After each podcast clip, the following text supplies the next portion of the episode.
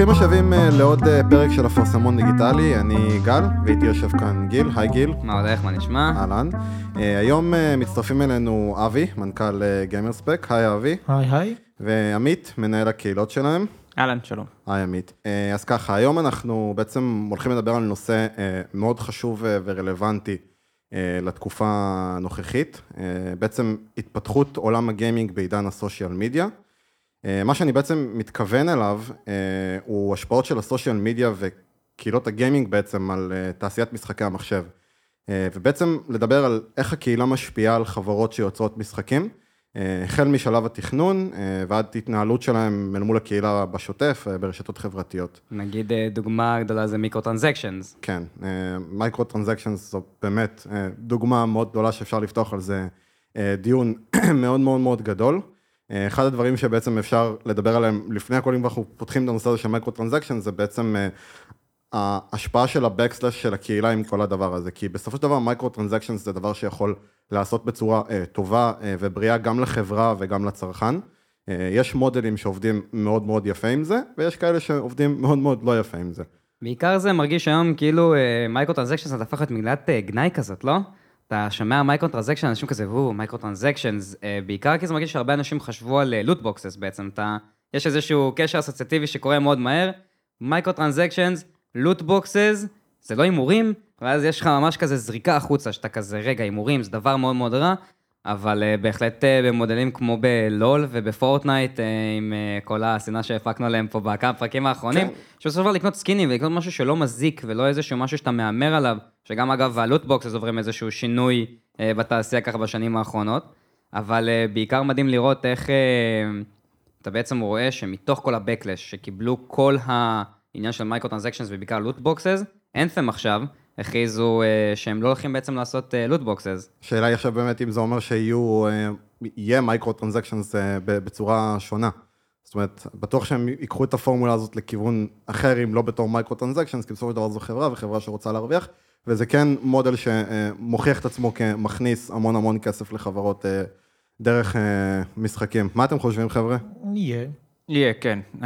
אנחנו רואים את זה, אנת'ם מופצת על ידי אלקטרוניק ארט. כמו בטלפילד 5, שגם מופץ על ידי אותה חברה, כרגע בהשקה שלו לא היו, לא היה שום דבר, אה, ידענו שיהיו סקינים כאלה ואחרים, ידענו שיהיו כל מיני פיצ'רים קוסמטיים, ועכשיו זה מתחיל להיכנס עם הפריסה של התוכן, זה קוראים לזה בטלפילד קוינס, שאתה יכול לקנות, וזה נכנס, אה, זה קרה גם עם Call of Duty Black Ops 4, בהתחלה לא היה כלום, עכשיו זה נכנס, הם שינו קצת כדי לא ליצור באז שלילי, אז הם מחכים עם זה טיפה, עד שהמשחק מתייצב.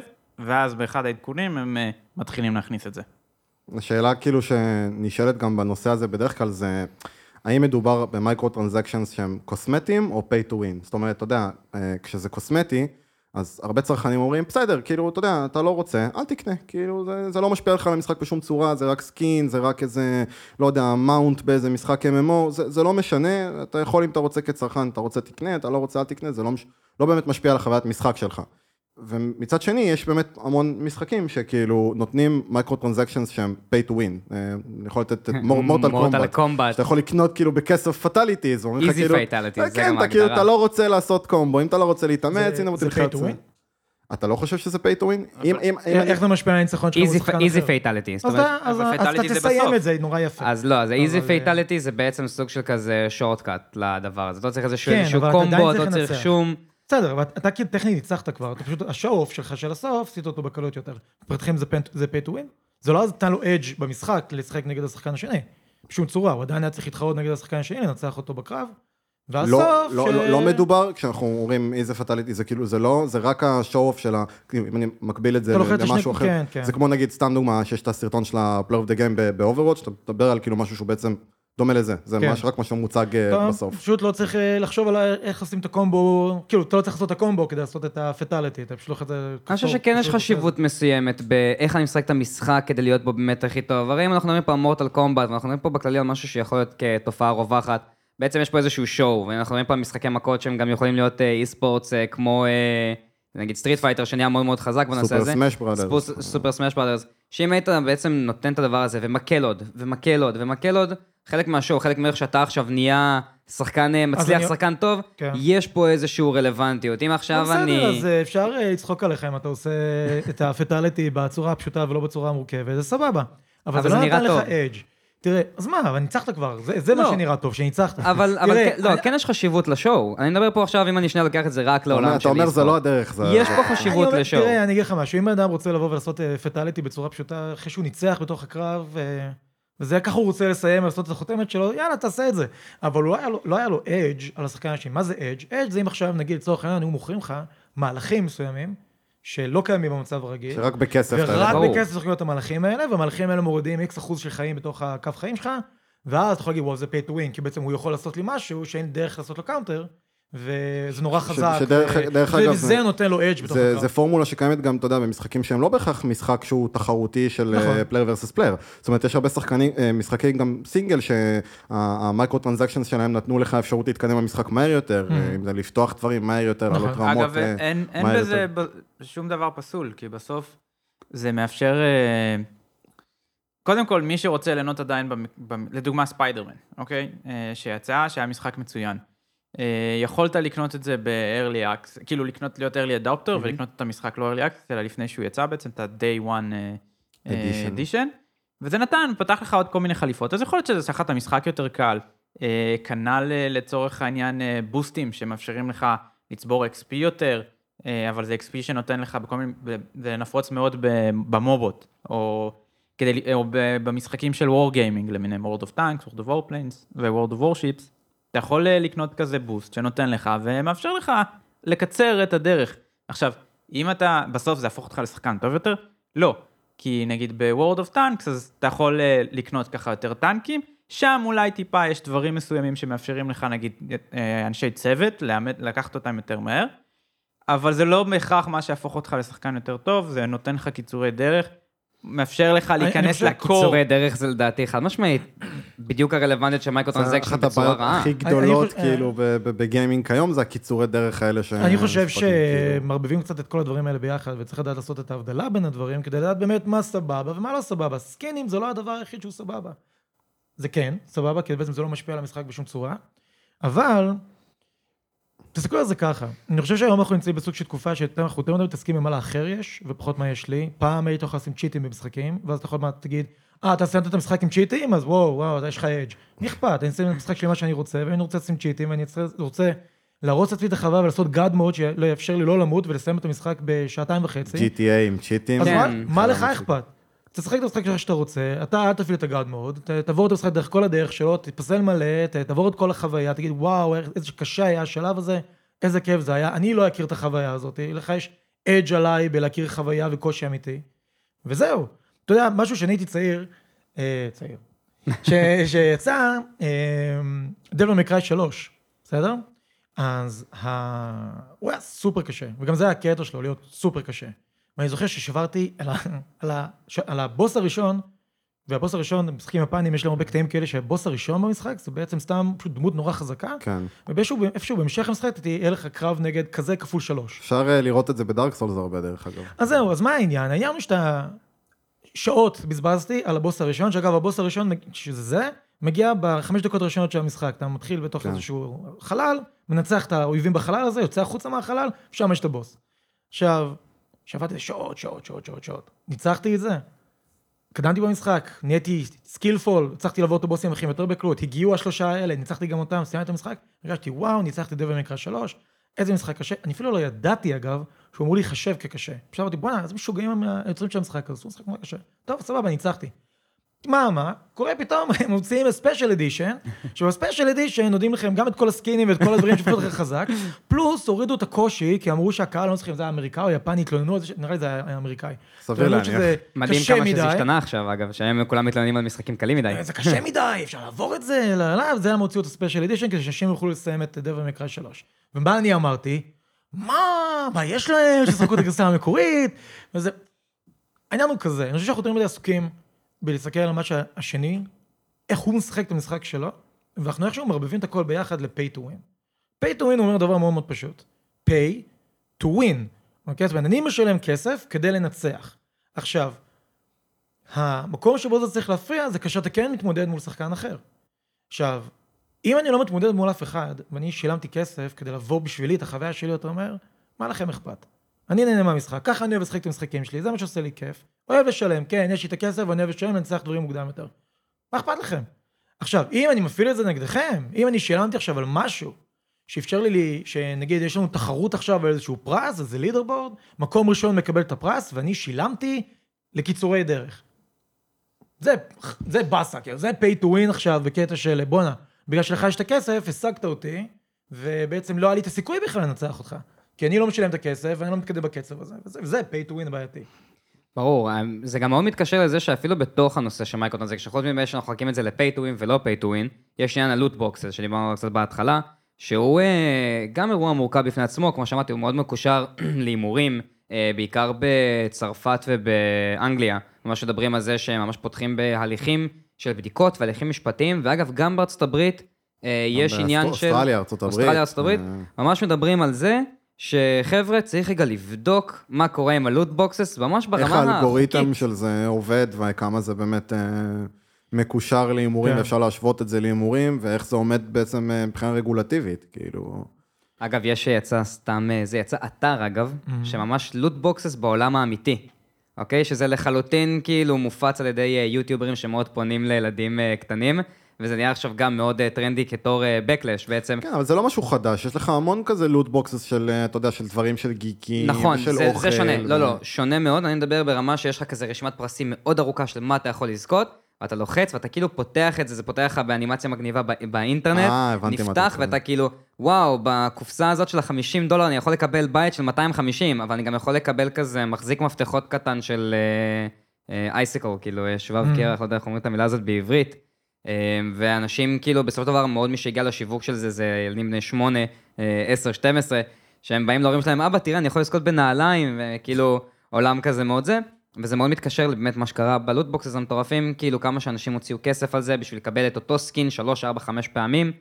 אמ, וזה גם איזושהי הפרדה בין בעולם ה micro-transactions, והנה אנחנו רואים, כמו שאמרנו, שאנת'ם אמרו שלא. כנראה שהם הבינו שזה לא הדרך לעשות כסף. בעיקר אה. כי כנראה חוקית זה יעשה להם בעיות בהמשך. אני חושב שכל הדברים האלה הם... כזו דעתי, הדברים האלה חוזרים חזרה כל הזמן לאותו דבר, זה כאילו מחפשים buzzwords שהם הבעיה, ואז כולם נשענים על ה-buzzwords האלה, אז ה loot box עכשיו זה בעיה, אבל מה זה loot box? זה קופסת פרסים, בסדר? אתה יכול להגיד לך, אני קונה זה, לא קונה, אתה גם יכול לקנות עכשיו loot box, באמת, נתת דוגמא את כל ה subscription boxes האלה שיש מכל מיני סוגים, של אוכל, של צעצועים, של משחקים, של סרטים, של הכל. אני גם לא יודע מה אני אקבל שם, זה כל הקונספט, כל הקונספט הוא, הפתעה. אני משלם subscription חודשי ואני מקבל הפתעה. אני זוכר, פגשנו, יצא לנו לפגוש את Loot Crate כשהם התחילו, והם אמרו לנו, הקונספט שלנו זה, אה, מה זה, every month is Christmas, או משהו כזה, כן? שזה כאילו, כל חודש אתה, אתה כאילו מקבל הפתעה כאילו של, אתה לא יודע מה אתה מקבל, כן, אתה לא יודע מה אתה מקבל מתחת לעץ אשוח ב Christmas, אז זה כאילו, זה הקטע, כאילו, כל חודש הוא Christmas. אתה מקבל איזושהי הפתעה. אז אין שום דבר, בעיניי, זו דעתי, אין שום דבר פסול בלקנות משהו ש, שהוא הפתעה. אני קונה הפתעה. עכשיו, מה שמשנה הוא, זה מה אני שם בתוך ההפתעה הזאת, אוקיי? ואיך אני מוכר את ההפתעה הזאת. אם ההפתעה הזאת היא התניה, אני אתן לכם נגיד מקום שבו עשו את זה בצורה מאוד לא, לא עניינית, וזה, בסאסנס קריד, איזה אחד זה היה? יוניטי אני חושב. היה לכם לוט uh, בוקסס פזורים בעיר, והדרך היחידה לפתוח אותם, זה אם אתם מורידים את האפליקציה, ודרך האפליקציה אתם נכנסים למשהו שמה, ואז היה אפשר לפתוח את זה. בקיצור, שנייה רגע. אני קניתי את המשחק שלכם, אני רוצה לשחק אותו, פיזרתם לי קופסאות בכל העיר, אני רוצה לפתוח אותם, ואתם נותנים לי התנאה ללפתוח אותם, אם אני מוריד מוצר אחר שלכם, זה הדרך שבעצם כבר, פה אתם, אתם. מתחילים לייצר את הנקודה הזאת של loot box זה, loot box זה סוג של בעיה. שדרך אגב, זה, זה בעייתי בפני עצמו אם אתה כבר מעלה את Assassin's Creed, כי מה שאני זוכר עם ההשקה שלו היה מאוד בעייתי, היה לו הרבה מאוד uh, בעיות של אופטימיזציה, mm. בפורטים, uh, הוא לא עבד כמו שצריך, אז אתה יודע שקורה, כשיש בעיות עם משחק מסוים, אני תכף... אה, נעבור ל Fallout 76 ובאמת נעלה את הדוגמאות האלה, mm. אבל כשיש בעיה עם משחק מסוים אה, במשחק עצמו, ואז על זה מתווסף, מתווסף כאילו השמן למדורה אה, של, של loot boxes ושל באמת התניות כאלו ואחרות, זה עוד יותר יוצר איזשהו טריגר, כאילו זה באמת כן. הופך להיות משהו שהוא מאוד מאוד, מאוד בעייתי. ואם כבר העלינו באמת את Fallout 76, אני רוצה שנייה לחזור שנייה לעניין הזה של סקינים, שסקינים לא משפיעים על חוויית משחק, וזה לא משנה, וזה לא pay to win, והכל בסדר. אה, אממה, כשיש, אה, אנחנו באמת מדברים בפרק הזה על, השפעה של ה social media ואיך קהילה תופסת אה, דברים כאלו ואחרים. Fallout 76 הוא משחק שהוא בעייתי בבסיס שלו. הוא לא התקבל בצורה יפה בשום צורה, היו איתו המון המון בעיות מאז שהוא יצא, זה רק הולך ומתווסף. יש גם את העניין עם ה-canvas bag שהיה אמור לצאת עם ה-collector's edition, יש את הפיצוי המאוד מגוחך שהם נתנו על זה, עד שהם באמת החליטו לתת, לשלוח כאילו את התיקים האמיתיים לכל מי שקנה את ה-collectors. ו- ועד בעיות בעצם טכניות עם המשחק, המון המון באגים שלא מטופלים, חוסר אופטימיזציה, זה שמשתמשים במערכת הישנה של, של, של Fallout 4, ובאמת המון המון בעי, דברים בעייתיים במשחק. על גבי זה, נוסף, נוספת המתכונת הזאת של micro transaction במשחק, שאתה יכול לקנות סקינים כאלו ואחרים במשחק. Mm-hmm. אמ, וב Christmas הזה, אה, קצת אחרי שהמשחק יצא, הם הציעו אה, סקינים, אה, אפשרות לקנות סקינים במשחק, והיו עם זה כמה בעיות. הבעיה העיקרית היא שהסקינים האלה הוצגו בתור כאילו מחיר מוזל, זאת אומרת על כל אחד מהם ממש היה כתוב 30 אחוז הנחה, 35 אחוז הנחה, אני לא בדיוק זוכר מספר מדויק, אבל הם הוצגו כסקינים שנמכרים כאילו בהנחה. זה קצת מצחיק, אתה יודע, למכור אה, סקינים בהנחה שלא עלו מעולם לחנות של המשחק. זאת אומרת, זה Christmas ראשון, המשחק רק יצא לפני כמה זמן. להציג את זה בתור הנחה זה קצת כזה, אני לא יודע אם false advertising זה המילה לגמרי נכונה בסיטואציה הזאת, אבל זה כאילו זה נתפס מאוד מאוד shady ומלוכלך, שגם ככה ה player base שלכם מאוד כרגע לא מרוצה מהמשחק ומאוד כועס על המון mm. דברים שקורים במשחק, ואז זה גם קורה. עכשיו אני אפילו לא מדבר איתך על המחירים שלהם, שהיו כאילו אסטרונומיים, אני שוב פעם, אני לא אכנס למספרים, אבל גם הפורמולה שבהם זה, כאילו איך שזה נמכר, החבילות סקינים האלה, היו בנויים מבחינת, אתה צריך, ה currency במשחק ב micro transaction זה אצלם נקרא Atoms. ויש כאילו כמויות של אטומס שאתה קונה אה, בדולרים, mm-hmm. אה, וזה היה בנוי ככה שאתה צריך לקנות אה, כביכול את החבילה הכי גדולה, אני חושב, כדי, אם אתה רוצה לקנות את שלושתם, או פעמיים את החבילה האמצעית, משהו כזה, היה שם איזה משהו שיידי שדורש ממך לקנות מעבר למה שאתה צריך ולהישאר עם עודף אם אתה רוצה לקנות את הכל. ואני אפילו לא מדבר איתך שוב פעם על כמה שהמחירים עצמם זה קורה בהמון גבוהים בצורה מגוחכת. עכשיו ברור לי, כן, בקטע הזה זה קטע של רווחיות, אני יכול להבין את זה, אבל שוב פעם, כשקורה דבר כזה, שיוצא משחק שהוא גם ככה מתקבל על ידי ה player base של המשחק כמאוד בעייתי, ויש המון המון רעש תקשורתי סביב זה, אה, והמון המון כעס אה, של ה player base כלפי החברה, אה, של מהלכים שהם עשו. בהקשר של המשחק, ואז הם באים ומוסיפים מה שנקרא חטא על פשע, וב Christmas, כאילו, שזה החג שבו אתה אמור לתת, לא לקחת. הם עושים מהלך כזה של למכור דברים ולהציג אותם ככה ולמכור אותם במחירים כאלה, זה עוד יותר יוצר רעש, זה עוד יותר יוצר בלאגן, זה עוד יותר יוצר כעס של הקהילה, וכאילו זה נותן להם עוד איזה משהו להתלונן עליו, עוד איזה משהו לכעוס של כאילו די, כאילו mm. כמה, כמה אפשר להכיל את זה? זה, זה, זה, זה מעצבן, זה לא נעים, אני, המשחק לא היה קיים אם, אם אני לא הייתי קונה אותו. המשחקים לא היו קיימים אם הקהילה לא הייתה, בעיקר משחק שהוא אונליין בסופו של דבר. זאת אומרת, אם השחקנים לא מתחברים, אין משחק, אין, השרתים שוממים. אני מבין שזו חברה, ואני מבין שהם צריכים כאילו לתת מודלים עסקיים ולהרוויח בסופו של דבר. אבל אני פשוט רוצה לדעת מה אתם חושבים על זה, גיל, אבי, אני רוצה לדעת, מה אתם חושבים על דבר כזה, שחברה שצריכה להיות רווחית, אה, בסיטואציה כזאת, אחרי backlash שהיא מקבלת מהקהילה, אה, על משחק שאנשים חיכו לו ונורא התאכזבו מכל מה שקרה סביבו, באה ועושה דבר כזה של סקינים במחירים מוגזמים ובמודלים שהם כזה shadyים. אתה רוצה להגיד קודם או שאתה שאני אענה? אני פשוט אומר את מה שאני אומר אה, כל הזמן, שבסופו של דבר אנחנו חוזים בכל התופעות האלה של over pricing בדברים האלה, mm-hmm. פה ושם. אה, כמובן שהכוח בידיים של הצרכן, אבל בעיקר, כמו שכל דבר הוא סיבה ותוצאה של המון דברים ואין דבר אחד, אני חושב שהדבר הזה על Fallout 76, באמת בהקשר של הסקינים האלה, לא היה מתקבל בכזאת צורה רע אם לא היה את האירוע הראשוני של ה-canvas bags, ולא היה את האירוע הראשוני של הבאגים וה features הלא טובים. ומה ש... חד משמעית, זה בדיוק מה שאמרתי. ומה, ומה שהכי מרגיז אותי... זה היה רק עוד שמן למדורה, ו- כאילו... ומה שהכי מרגיז אותי באירוע הזה, זה שזה קרה אחרי שהם ידעו את כל מה שקרה. יש פה אה, נתק גדול לפעמים mm-hmm. בין הקהילה של המשחק לבין השחקנים. החברה הזאת ידעה שהיא כאילו, הכל דבר קטן ישרפו אותה, והיא בחרה לבחור בטקטיקה של ערוץ הקניות. רק היום, הדבר הזה שאתם רואים פה פעם ראשונה, הוא לרוב במחיר הזה, בערוץ שלנו במחיר הזה, אבל רק היום, וזו פעם ראשונה שמראים אותו בערוץ הקניות, זה במחיר המוזל הזה. Mm. והם עדיין בחרו לעשות את זה, למרות שהם בכל הסאב-רדיטים, ולמרות שהם בטוויטר, והם בפייסבוק. והם רואים את הכעס של. האנשים. כן, כאילו. אז בואו נשאל אתכם שאלה. אם היו עושים לכם את אותם דברים, אבל היו עושים את זה בצורה טובה יותר, נניח, כל מה שמוכרים לך, מוכרים לך עדיין, אבל עם, במחירים אחרים. אותם דברים בדיוק, רק מחירים אחרים. את הקנבס בג היית מקבל אותו, כמו, ש, כמו שהזמנת, קיבלת מה שהזמנת, אוקיי. בסדר? אני בעצם לא משנה שום דבר, אני רק משנה את, ה, את ההתניות שקרו. כן, קיבלת את הקנבס, מחירים יותר, נורמל, אה, יותר אה, נורמליים. היה בסדר? אני חושב שיהיה פה זעם צרכני שהוא לא זעם. זאת אומרת, אנשים יתלוננו כמו שאנשים מתלוננים על הכל, בדיוק. אבל לא יהיה פה משהו מעבר. אז מבחינתכם, אז אני, מה שאני שואל את זה מבחינתכם, האם זה כצעד כלכלי של החברה שמנסה לעשות מוניטיזציה למוצר שלהם? האם מה שהם מציעים היה בסדר? בסך הכל למכור לי... אה, כרעיון, זה, כ- זה, כ- מאוד, כ- זה מאוד כגישה. תלוי, כי אנחנו צריכים לזכור שבסופו של דבר מדובר במשחק. זאת אומרת, ה- המוצר Hmm. המרכזי פה הוא המשחק, ואם המשחק לא מתפקד כמו שצריך והוא לא כיפי והוא לא טוב, אני אמרתי, אני, אבל אני הדגשתי, אמרתי, נניח והכל עובד בסדר, אה, אין באגים במשחק והכל טוב. הכל סבבה, המשחק בסדר סך הכל, הציעו עכשיו אה, קטלוג של דברים שאתה יכול לקנות במקרו טרנזקשנס, אה, קיבלת את הבג שלך כמו שרצית אותו אם הזמנת אותו, אז מבחינתך, המודל העסקי הזה הוא בסדר? של micro transactions בתוך המשחק. כן, הכל עובד בסדר, סך הכל. אני... והמחירים אה, נורמליים. מחירים נורמליים, אני לא מניח... מרמים אותך עם אה, הנחות, אני- לא אני- מניח שכן, אני גם, אני גם ו- כשחקן ארגיש הרבה יותר entitled, כאילו, וירגיש נורא יותר כן. בנוח להוציא כסף על משחק, שאני יודע שהחברה השקיעה בו הרבה Mm. יותר אהבה, וכאילו גם אני הרבה יותר נהנה ואוהב את המשחק. זאת אומרת, משחק שאני מאוד מאוד מתחבר אליו ומאוד אוהב, ואני מאוד מרגיש שכאילו מעבר ל micro transactions, החברה השקיעה המון המון במשחק, כן. אז אין לי בעיה כאילו עם ה micro transactions, סבבה, תעשו עוד כסף מהצד, אבל כל עוד אתם משקיעים המון במשחק. אוקיי, אז מה העניין?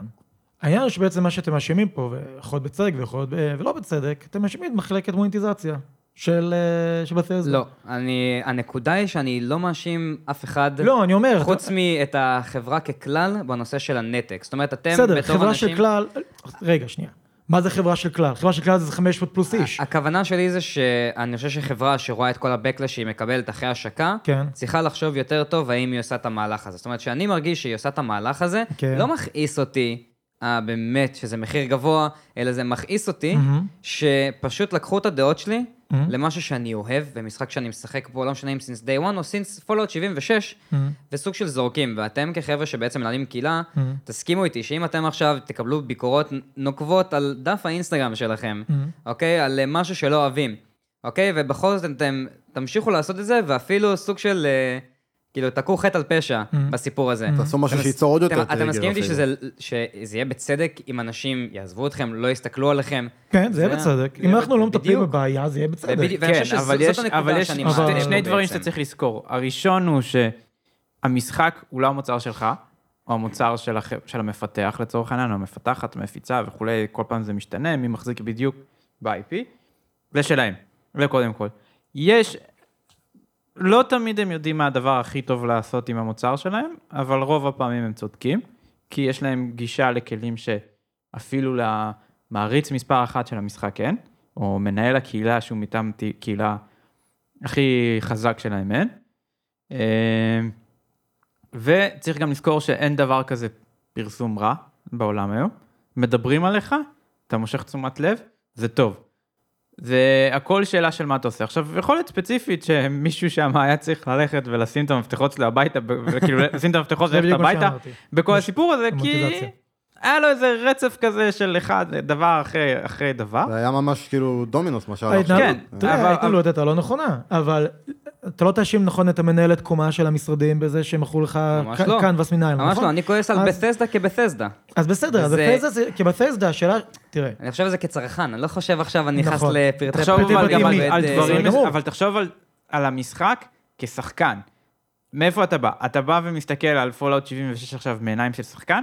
כי שחקן שאוהב את העולם שלו ורוצה לחוות את החוויה עם חברים שלו, אנשים שמשחקים בזה אומרים שהמשחק טוב. כן, יש בו באגים, לא הוא כולם. יצא ברמה לא- של לא- early לא- access. לא כל כך נכון. לא כולם. אני, אה, מ- מכמה אנשים שכבר הגיבו לנו לחלק מהכתבות ובכל מיני קבוצות ואומרים שסך הכל הם נהנים מהמשחק, הם נהנים מהחוויה, כי להיכנס אליו עכשיו כשחקן יחיד מבלי שמראש יש לך איתך עוד אה, שלושה חברים שנכנסים איתך, או להיכנס לשרת שאין בו אף אחד, הוא לא יהיה טוב, אה, אבל אנחנו רואים את זה עם עוד דברים, נגיד עם Battlefield 5, החוויה היא שונה לגמרי שאתה נכנס כשחקן יחיד, לבין שאתה נכנס כ squad עם עוד שלושה אנשים. אני לא מדבר איתך Fortnite ו PUBG, אני מדבר איתך לא. ספציפית על Battlefield 5. ההבדל, כאילו, לשחק בזה לבד, אתה נמצא ממש למטה יחסית בתחושה אישית, אלא אם כן אתה שחקן ממש טוב. אתה עושה את זה עם עוד שלושה אנשים ואתם משלימים ביחד את כל התפקידים ו- ועובדים ביחד ומדברים ב voice chat. המשחק הזה נותן לך חוויה שהיא שונה לחלוטין. אז כנ"ל Fallout 76. שוב, יש אנשים שמאוד נהנים מהמשחק, הם, אומר- הם מבקרים את הסיפור של הבאגים שיצאו.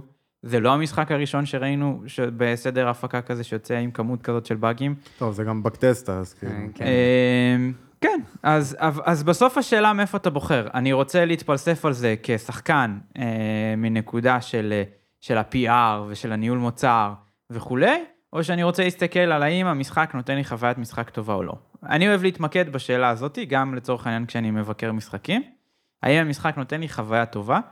אה, כי לפעמים, אתה יודע, יכול להיות שהייתי מקבל את הבד קנבס, והייתי מקבל, ולא היו באגים, ועוד מיליון דברים, אה, והמשחק ריק ואין מה לעשות בו. ולדוגמה, הייתה דוגמה מאוד יפה כזאת השנה, כמו Sea of Thieves, שזה יצא משחק נכון. שהוא גרפית מטורף, והיה לו בטא ואלפא, והשרתים שלו עבדו כמו שצריך, והוא נדחף על ידי אה, מייקרוסופט נורא חזק.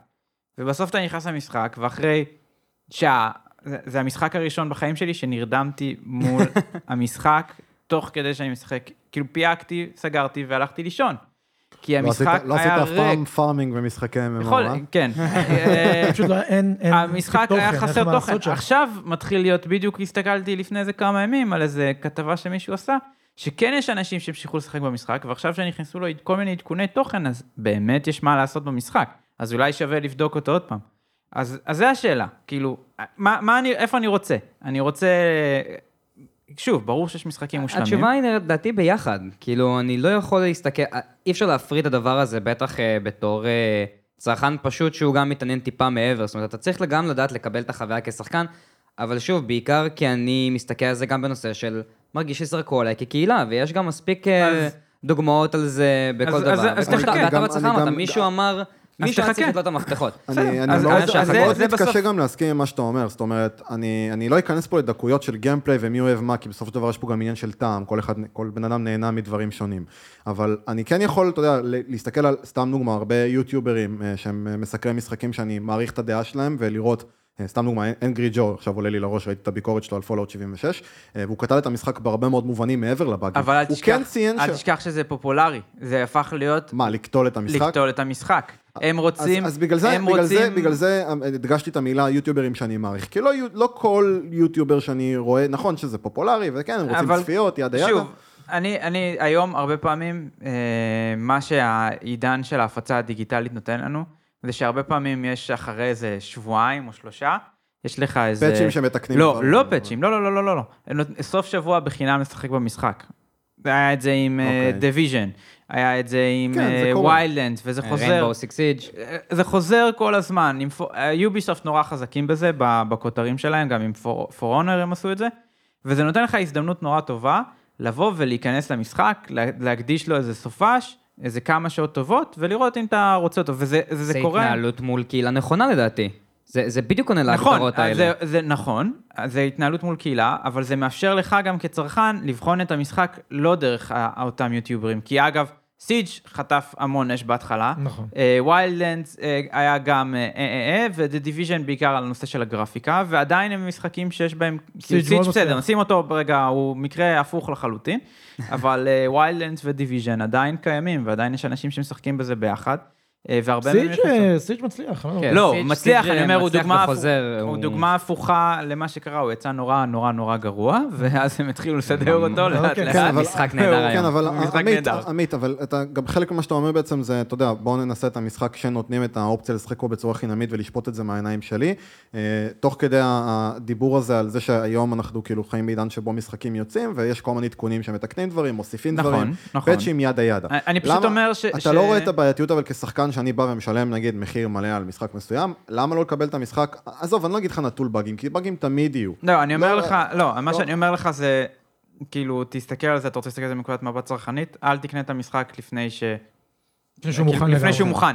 אל תקנה, תקנה אותו ביום, ביום אה, השקה. תמיד יהיו אה, כל המחיר מוזל עכשיו וכולי. המ- המקום היחידי לעשות את זה, ואנחנו לא מדברים על זה עכשיו, זה תעשיית האינדי, עם ה-early access, אה, וזה נורא חשוב, כי זה מאפשר לאנשים האלה חמצן להמשיך לפתח את המשחק. זה ברור, זה בסדר? מאוד מאוד מאוד שונה, אה, אבל... אה, אבל אל, לא, לא צריך לחשוש מ... אני לא אקבל את השריון הזה או את הסקין הזה בהמשך, כי מתישהו אתה תוכל לא לרכוש אותו ב-in-game currency או ב-currency אה, אמיתי. אז אני פשוט אומר שלאור, אני לא או, או מעריץ או סוגד לקרקע של אף אחת מהמועלת הגדולות, אני פשוט אומר, ההתנהגות הצרכנית הנכונה, אל. כאילו, זה צריך להפסיק איפשהו. והם מנסים כל מיני טריקים, ראינו את זה עם אסאסנס קריד Odyssey, תמיד, שהיה, תמיד, שהיה אפשר הכל, עכשיו, הכל, בכל אה, אם קנית access. Deluxe, יכולת לשחק בזה שלושה ימים לפני, אה, כ- אז בסדר, אז לאיזה יוטיובר או לאיזה streamer זה, זה חשוב. אני, זה פחות כ- כשחקן הרגיל, אני יכול, אני כנראה עוד מושקע, מה שנקרא, נפשית במשחק הקודם, אני יכול לחכות קצת, אבל גם שכל, ה- ה- לצורך העניין, המדיה הולכת לכיוון אחד של לקטול משחק, אז תשאל את עצמך האם באמת הם קוטלים את המשחק כי אה, זה, אה, מה נהיה- שנכון, נהיה גג. או שזה מה שעכשיו, כשמישהו יחפש את ה... את ה... בגוגל לצורך העניין, את הביקורת, אז זה, זה הסיכוי שאם הם יתויגו כמשהו, כדעה שלילית על המשחק, זה מה שיופיע, יעזור להם. זה כאילו גל. הם רוכבים פשוט על הגל, וזה יותר נוח אה, לרכוב על הגל הזה. אתה בעצם אומר, אז הדבר הכי טוב שאפשר לעשות זה see for yourself. פשוט אה, תלך אה, ותבדוק ותשפוט. והיום יש המון, אה, המון דמוים בעצמך. והמון המון דרכים, ואם ש- זה משחק ש- שאתה רוצה... זה, זה גם דרך אגב מת- מתקשר לדברים שאנחנו מדברים עליהם, שכאילו רשתות חברתיות אה, מאוד משפיעות על הדעה הצרכנית, ואני כצרכן, אם אני רואה את כל הסרטונים האלה שנהיו פופולריים אה, של יוטיוברים שקוטלים כביכול את Fallout 76, יכול להיות שזה מאוד יגרום לי, כאילו ישפיע על הדעה שלי כשחקן, אם אני רוצה לקנות את המשחק או לא. אני עוד לא שיחקתי במשחק וכבר יש לי עליו קונוטציה מאוד מאוד נכון, שלילית לצורך העניין. ויכול להיות, ש... יכול להיות שאולי החוויה האישית שלך, היא תהיה, עכשיו בטוח היא תהיה יותר טובה, כי המשחק קיבל המון עדכונים, אם מדברים ספציפית. שגם, אבל יכול- גם, גם על זה, דרך אגב, היה, היה, זה היה שנוי במחלוקת. הם למשל הוציאו אה, פאץ' שמתקן את האספק ריישו של המשחק, נראה לי, אוקיי. לווייטסקרין או משהו כזה, אה, ומסתבר שכל מה שהם עשו זה לערוך איזשהו משהו בקובץ INI של המשחק, שמותח לך את כל ה-UI, זאת אומרת, זה נראה מזעזע וחובבני לחלוטין, והיה modder פשוט שעשה את זה שבוע לפני כן בצורה הרבה יותר טובה. הוציא mod כאילו שהוא... תשמע, יש את הדברים האלה כל הזמן. היה לך, אה, ב Capcom, שמו לך דמויות אה, על הדיסקים של Street Fighter, שמעל הדיסק, מתוך המשחק כבר. והן היו נעולות, וכשקנית את ה-DLC, בתאריך אה, שבועיים, חודשיים, חודש אחרי, אז הם פשוט עשו unlock לדמות על הדיסק, במקום בעצם שתהיה באמת דמות שהם עבדו עליו ירדה. אז בעצם כן, כן. טכנית, היה לך אותה כל הזמן, על הדיסק. רק. תשלם וכדי אתה פשוט שתוכל לא לשחק. ידעת, אם לא אמרו שהיא שהיא נמצאת שם. תראה, בגדול, אני חושב שמיקרו טרנזקציה אה, במשחקים, הצורת שבה זה משפיע על משחקים, אני חושב שיש אלה שעושים את זה נכון יותר, יש אלה שעושים את זה פחות נכון. וצריך להבין שבסופו של דבר מי שעושה את הדברים האלה, זה לא החברה הגדולה, זה מנהל התחום של מוניטיזציה, שחושב איזה סוג של חבילות אני יכול להציע, איך אני יכול למכור את זה ל user, מתי אני אמור למכור את זה ל user, אה, ומה יהיה הכי נכון והכי שווה והכי טוב. לא בהכרח עושים את ההחלטות הנכונות, ואני יודע שאת הצרכן זה לא חייב בהכרח לעניין אותו, כי אתה אומר, הנה, אני מסתכל על כל החברה, וזה... וזה, וזה ראייה לגיטימית לחלוטין, אבל השאלה היא מה החברה עושה עם זה אחר כך. זה השאלה. אם אנחנו כל הזמן נתלונן על מקרו-טרנזקציה, אנחנו נתלונן על אה, מכירת המשחק מוקדם מדי לפני שהוא, שהוא יוצא, ולמה אנחנו בעצם אה, אה, רוכשים בכלל את המשחק לפני שהוא יוצא, וכל מיני דברים, בסופו של יום אנחנו הצרכן. אנחנו בעצם מה שמכתיבים איך הביזנס יעשה את הביזנס שלו, אוקיי? הם יודעים, כמו שעמית אמר קודם, הם יודעים עלינו קצת יותר ממה שאנחנו חושבים שאנחנו יודעים. וגם, אני יכול להגיד לכם שכמות האנשים שמתלוננת על דברים, קריאת הצרכנים שמתלוננים על הדברים וזה, תתפלו לגלות אולי שזה אחוז מאוד מאוד קטן מכלל היוזרים שרוכשים את המוצר. זאת אומרת, אם בסופו של יום החברה תעשה רווח, בסדר? מכלל היוזרים, וכן יהיה את הקומץ הקטן שיתלונן ולא יקנה, ויתעצבן, ויעשה אה, אה, איזשהו אה, עצומה ללא לרכוש את המשחק לפני הזמן, או כל דבר אחר, בסדר.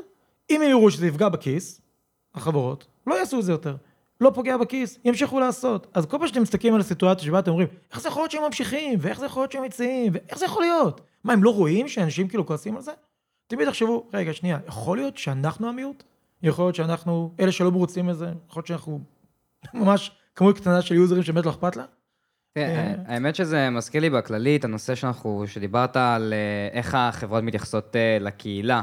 אה, ואני פשוט מרגיש שזה משהו שהוא לא, הוא לא סגור בשום צורה. זאת אומרת, גם כשהחברות הגדולות מנסות לעשות איזה משהו שהוא כזה נראה שזה חד משמעי לטובת הקהילה, גם זה אפילו מקבל איזושהי ביקורת שלילית, כמו המקרה שקרה, לא יודע אם אנשים שמעו ב-2018, החברה שייצרה את Guild Wars 2, ArenaNet, אחת ה game דיזיינריות שלהם בשם ג'סיקה פרייס. אה, כתבה איזשהו פוסט מאוד ארוך, ובפוסט הזה, בטוויטר שלה, היא בעצם הביאה כזה מכתב אה, על game אה, design, ועל המגבלות בלעשות game design ב-MMORPGs, ובחור שהוא יוטיובר... שדיברה על storytelling. על storytelling כן. בעצם. בחור שהוא יוטיובר שמשחק בגיד וור 2, והוא גם יש לו כזה כמו קונטנט קריאטור עם גיד וור 2, הגיב איזושהי תגובה.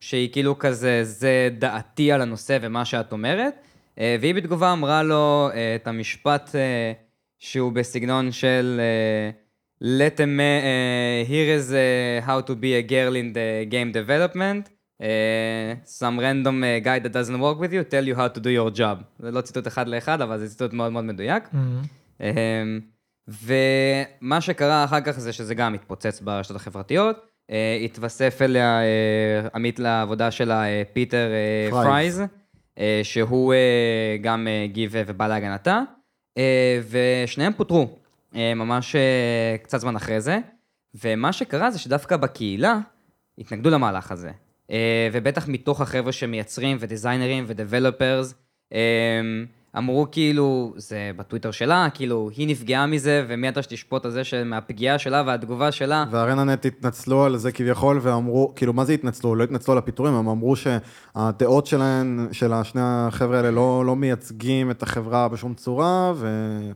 ידה, והם כהפנים של החברה, גם רשת חברתית, זה לא... לא צריך, לא צריך לתת, לתת דעה נוקבת כזו או אחרת, וזו הסיבה שהם אה, או עזבו על ידי החברה. אה, וזו לא הדוגמה היחידה גם, דרך אגב, גיל, אם אתה כבר מעלה את זה, יש לך עוד, אה, שזו דוגמה שכאילו לא, לא זכתה לכל כך הרבה רעש כמו זה, יש לך את ג'וש אלן, שהוא המנהל קהילה של וואו, אם אתה מכיר, יודע בין מי אני מדבר, שניכם, אתם... אני בתור שחקן וואו של שנים מאוד עוקב, גם כשאני לא subscribe למשחק, אני עדיין מאוד עוקב אחרי התוכן. אה, ואני רוצה שנייה גם בהקשר הזה לחזור למה שאמרת קודם, אה, בהקשר, אה, בהקשר של כאילו יחס של, של, של חברות אל, אל מול הקהילה, וכמה, כאילו בהקשר של רווחיות, אם זה, אם רווחיות משפיעה על הדבר הזה או לא. וואו, הוא משחק שהיה נורא ב-up and downs בשנים האחרונות מבחינת הכמות subscribers שלו וכמה שהוא היה פופולרי, פחות פופולרי, איך הקהילה קיבלה אותו גם. אה, והרחבה, אנחנו כרגע נמצאים בהרחבה שנקראת Battle for Azeroth, BFA, אה, והרחבה הקודמת הייתה Legion. אה, הייתה הרחבה שהגיעה אחרי Warlords of Draenor, שזו הייתה הרחבה שהמשחק הגיע לשפל הכי גדול שהוא היה בו אי פעם מבחינת כמות שחקנים. זו הייתה הרחבה גם הכי קצרה, שכאילו לא מבחינת הזמן, אלא מבחינת הכמות תוכן, הכי פחות תוכן שכביכול הרחבה הציעה אי פעם, ואחרי זה בליזרד באמת עשו שיפט מאוד מאוד גדול והוציאו הרחבה, את ליג'ן, שהייתה הרחבה עם הכי הרבה תוכן שאי פעם המשחק הזה ראה. הרחבה שהתקבלה...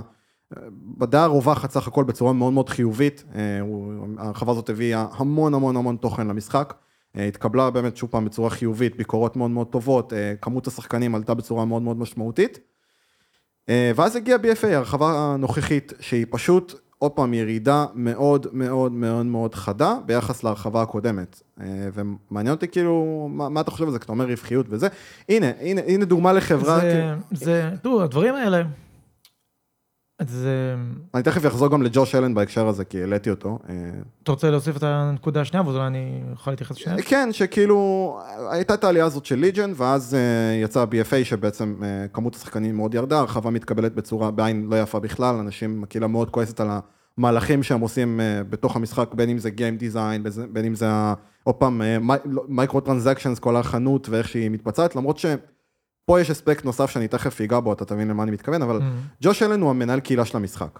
אמ, הוא אה, כתב בטוויטר האישי שלו, אני לא זוכר את הציטוט המדויק, זה היה לפני אה, כמה חודשים לדעתי, אה, באמת ה-Developers וכל מי, קשור, מי שקשור בעצם בפיתוח של המשחק הוצף בהמון המון תגובות בטוויטרים האישיים שלהם, גם הרבה טרולים דרך אגב, שלא נעים לקרוא, ואני יכול להבין כבן אדם שמנהל קהילה, לשבת ולהצטרך לקרוא את הדברים האלה, ואתה קורא המון המון תגובות נאץ על המשחק שאתה עובד מאוד קשה עליו. Mhm. אה, הוא כתב איזה פוסט אה, שהוא כאילו קרא, ש- כתב איזה משהו בסגנון של, נמאס לי לקרוא תגובות של אה, דושבגים, dickbags, לא זוכר מה מה הוא רשם, scumbags, לא זוכר מה הוא רשם שם. אה, וזה לא זכה לשום התייחסות, זאת אומרת, הקהילה מאוד כעסה על זה שהטוויט הזה קיים, והרבה אנשים אמרו שהיו צריכים לפטר אותו, אה, וגם ככה הוא, כאילו, לא, אנשים בקהילה לא בדיוק מחבבים אותו כמנהל קהילה, אה, אבל הרבה אנשים מאוד כעסו על זה, אמרו שצריך לפטר אותו, שזה צריכים לנזוף, לנזוף בו, והיו גם כמובן כאלה שאמרו שזה לא כזה נורא, כי זה הטוויטר הפרטי שלו. אה, אבל הדעה הרווחת הייתה שזה כאילו עורר איזשהו דיון של כעס מבחינת הקהילה, ובליזרד לא התייחסו לזה, זאת אומרת, לא, לא היה דיבור על זה, הוא עדיין ממשיך בתפקידו אה, לכל דבר. אה, לא היה שום שינוי, אני לא יודע מאחורי הקלעים אם הוא זכה לאיזושהי נזיפה בעקבות המקרה הזה או לא, אה, אבל זאת פעם דוגמה למישהו שכביכול הוא הפנים של החברה, הוא המנהל קהילה, הוא לא סתם איזה מפתח זוטר או מישהו שאף אחד לא מכיר, הוא הפנים של החברה, ונכון שזה החשבון טוויטר הפרטי שלו, אבל אתה יודע, זו התבטאות שהיא לא נעימה. אוקיי, אז הנה, אז אתה אתה נתת דוגמה למישהי מחברה אחת. בדיוק. שכן קיבלה התייחסות, היא- כביכול היא לא הפנים של החברה, ואתה נתת דוגמה שהיא כן הפנים של החברה. בסופו של דבר לכל חברה יש את, ה... את החוקים שלה לגבי איך היא מתייחסת לקהילה, ואיך היא מתייחסת לנוכחות החיצונית שלה, ואיך היא מתייחסת לעובדים שלה, מהיוזרים הפרטיים שלהם. וכל אחד מטפלת בזה איך שהיא מטפלת. אני חושב שיש סוג של, לפחות מהדברים, מהטיעונים שאני שומע מכם, מהדברים שאתם אומרים, אני חושב ש- אתם חושבים שכאילו כל החברות עובדות באותה שיטה, עם אותה ציפייה, אה, עם אותו לא. דבר, לא, משמעית אנחנו לא. כלקוחות אה. מאשימים את. החברה כגוף. אה, להפך, אני בא ואומר שאני חושב שדווקא בשתי סיטואציות כאלה, שיש פה ממש אותה בעיה בש... בשתי תוצאות שונות, יש פה עדיין backlash מקהילה. אני חושב שהבעיה יש. היא, אז- אני חושב שהנקודה היא שאני תמיד חוזר אליה, זה שיש איזשהו פער, שאנחנו מאוד רואים אותו בעיקר ב-2018, שהייתה ככה, של פער באיך החברה מתייחסת לקהילה שלה. אה, כי יש חברות שגם עושות את זה נהדר. בסדר. אה, ויש חברות שלא. תראו. והמון חברות גדולות בזמן האחרון, לא. כן. ומפספסות תמיד בדברים האלה, שזה נראה כאילו דווקא הפעם, הגילד וור 2, ארנה נט, היו בטוחים שהם עושים את המעשה הנכון, ושכולם יגידו כל הכבוד להם. גם, גם אנשים, לא. גם אנשים, אני, אנחנו תכף נעבור לנושא הזה, כי אני רוצה שעדיין נישאר על זה, כי כבר העלינו את זה, אבל גם אנשים מתוך החברות האלה, שכאילו עובדים לשעבר, אה, נותנים, אה, אני נתקלתי בכמה פוסטים של עובדים לשעבר, נגיד בב- בבליזרד על דיאבלו, לצורך העניין, שבעצמם כותבים, כאילו, שהם כעובדים לשעבר על הפרויקטים האלה, חושבים שהקהילה, אה, סליחה, החברה איבדה את היכולת שלה להבין טוב, מה זה נושא. זה נושאים... זה, זה, זה, זה נושא אחר, אני לא רוצה שנעבור מה כן, שנגענו זה- בו זה- כרגע, אבל אני, רק מעלה את זה. אני אנסה להתייחס לכל כדי שלא יגיע מצב שאנחנו כן. עולים פה דברים שהם, אה, אתה יודע, אה, שלא יקבלו איזשהו סוג של יחס, גם אם נגיד את זה בקצרה, אבל... קודם כל, אז לגבי PR זה PR, אין מה לעשות. כל חברה יש לה את החוקי PR שלה, אה, PR, מי שלא יודע, זה Public Relations. כל חברה יש לה את הגישה שלה לגבי יחסי חוץ. וזהו, ו- ואם חברה אחת כן יש לה בעיה עם זה שהעובדים שלהם ככה, והעובדים שלה יודעים שזה נכון, ושהם הנציגים של החברה, והם יתבטאו מהצורה הזאת, זה יכול, יכולים לקבל על הראש מהדבר הזה, זה בעיה שלהם. ואם בחברה השנייה לא נותנים את היחס הזה, שהחבר'ה מפה יעברו לעבוד שם, ואלה הם סבבה, אז יכולים להתבטא איך שהם רוצים מתוך. מתוך הפייסבוק, טוויטר, whatever. זה לגבי זה. אה, אני חושב שכל חברה יש את הזכות שלה לנהל את ה-PR שלה איך שהיא רוצה, ואם העובדים עשו משהו שמציג את החברה באור שלילי, ולא אכפת לי מה הם אמרו אגב, בכלל לא משנה. הם אמרו, אני אוהב את השמיים, איזה כיף, איזה יום יפה היום. אם מבחינת החברה לכתוב דבר כזה. דבר נורא, תעוף מפה. אין מה לעשות, כל חברה יש את החוקים שלה, זה אחד. עכשיו, לגבי וואו, ולגבי אה, אה, אפדייטים לא טובים, אה, הרחבות לא טובות ודברים כאלה. הרחבה לפני זה הייתה טובה? כן, מעולה, יופי. הם היו עדיין אקטיביז'ן בליזרד אז? נכון, יפה. הרחבה הזאת היא לא טובה? נכון. טוב, פישלו. הרחבה הבאה, יכול להיות שהיא תהיה טובה. כן, אבל למה, למה, למה, הפנדולום הזה? זאת אומרת, זה, בגלל- זה, זה נהיה קצת מים, דרך אגב. בוואו ספציפית זה נהיה ממש מים, כאילו. שיש הרחבה טובה, הרחבה גרועה, הרחבה טובה, הרחבה גרועה. אז כאילו, אני זה אסביר. ממש, אני אסביר. בגלל שמשחקי, זה- שזה כמה אספקטים. אחד, משחקי MMO, משחקים שהם יותר, נקרא להם סרוויס היום, שאתה בעצם אה, מוציא אותם ו... ורק. חיים מעדכונים ולא חיים מפיתוח, כאילו פיתוח מ... מ... מראש. זה משחקים שנורא קשה להשאיר אותם באוויר. עכשיו תסתכל על World of Warcraft, זה משחק שקם כמה זמן כבר? 10, 15? לא יותר, מ-2004. יפה. אז הוא קיים כמה שנים? 15? 14. כל הכבוד. 14 ומשהו. כל הכבוד. אז אתה יכול לתת לי דוגמה למשחק אחר שקם באורך זמן כזה? אם לא. רגע, שים לב, 4 מיליון יוזרים אקטיביים שמשחקים? אני לא מכיר, אוקיי? אני חושב שאחרי 15 שנים שאתה עושה את אותו מוצר כל הזמן, קצת קשה לשמור על רמת אחידות אה, איכותית לא- מכל לא- אפדט לאפדט. עכשיו תראה, הם מעלים הרחבה, הם מצפים לקבל, שכמובן הם מצפים שכל דבר יצליח ולא ייכשל. אם נכשל, לומדים. אבל זה בדיוק העניין שבשביל זה יש להם גם את את את ה beta testing. ואם, אם הם, מה- שהם בדרך כלל נוטים לעשות, בעיקר בהרחבות האחרונות, זה לפעמים לנסות כל מיני מערכות אה, של gameplay בתוך, בתוך הרחבה מסוימת בצורה מאוד אה, Mm. בסיסית, ואם הם רואים שזה עובד, הם מפתחים את זה למשהו טיפה יותר מורכב בהרחבה אחרי. אז מה שהם עשו בוואו, נגיד, ב Legion היה את כל המערכת של ה artifact, שזה נשק שאתה מקבל בתחילת המשחק, בתחילת ההרחבה, וממש משדרג ומשפר אותו במהלך כל ההרחבה. הם תרגמו את זה בהרחבה הזאת ל necklace, שגם לו יש איזשהם trait ים, ואתה משפר אותו כל ההרחבה. וזה לא התקבל טוב, והקטע הוא שבשביל זה שוב פעם יש beta testing. אז אם, אם אתם באים לקחת מערכות קיימות הבטה ולשפר אותן... tester שהביאו, אמרו, וואו, איזה דבר מדהים לא, זה, איזה לא, יופי, לא, לא, לא, הלאה. זה לא נכון, זה בדיוק העניין, שב beta testing של, של BFA, של ההרחבה הזאתי, היו המון דברים שאמרו להם, תקשיבו, Blizzard, זה לא עובד, זה, א', המערכת הזאת היא לא כיפית, היא משעממת, ב', זה לא עובד כי ככה וככה וככה, זה לא עובד כי ככה וככה וככה, הם לא התייחסו לאף אחד מהפידבקים האלה, Mm, הם, הם פשוט עשו מה שהם רוצים, הם הוציאו יפה. את ההרחבה as is, יפה. אנשים מאוד כעסו על זה, נו. הפסיקו לשחק, היא הייתה כן. צניחה מטורפת ב subscribers, ואז מה? והם שינו את זה, הם מצוין. התחילו לשנות את זה. מעולה.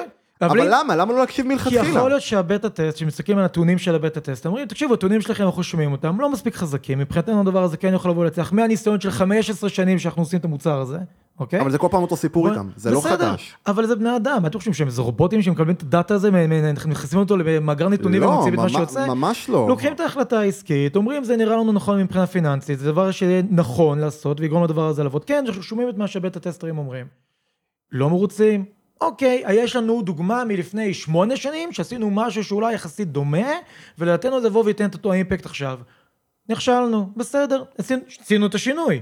הם כן התייחסו לדבר הזה בסופו של דבר, עשו את השינוי.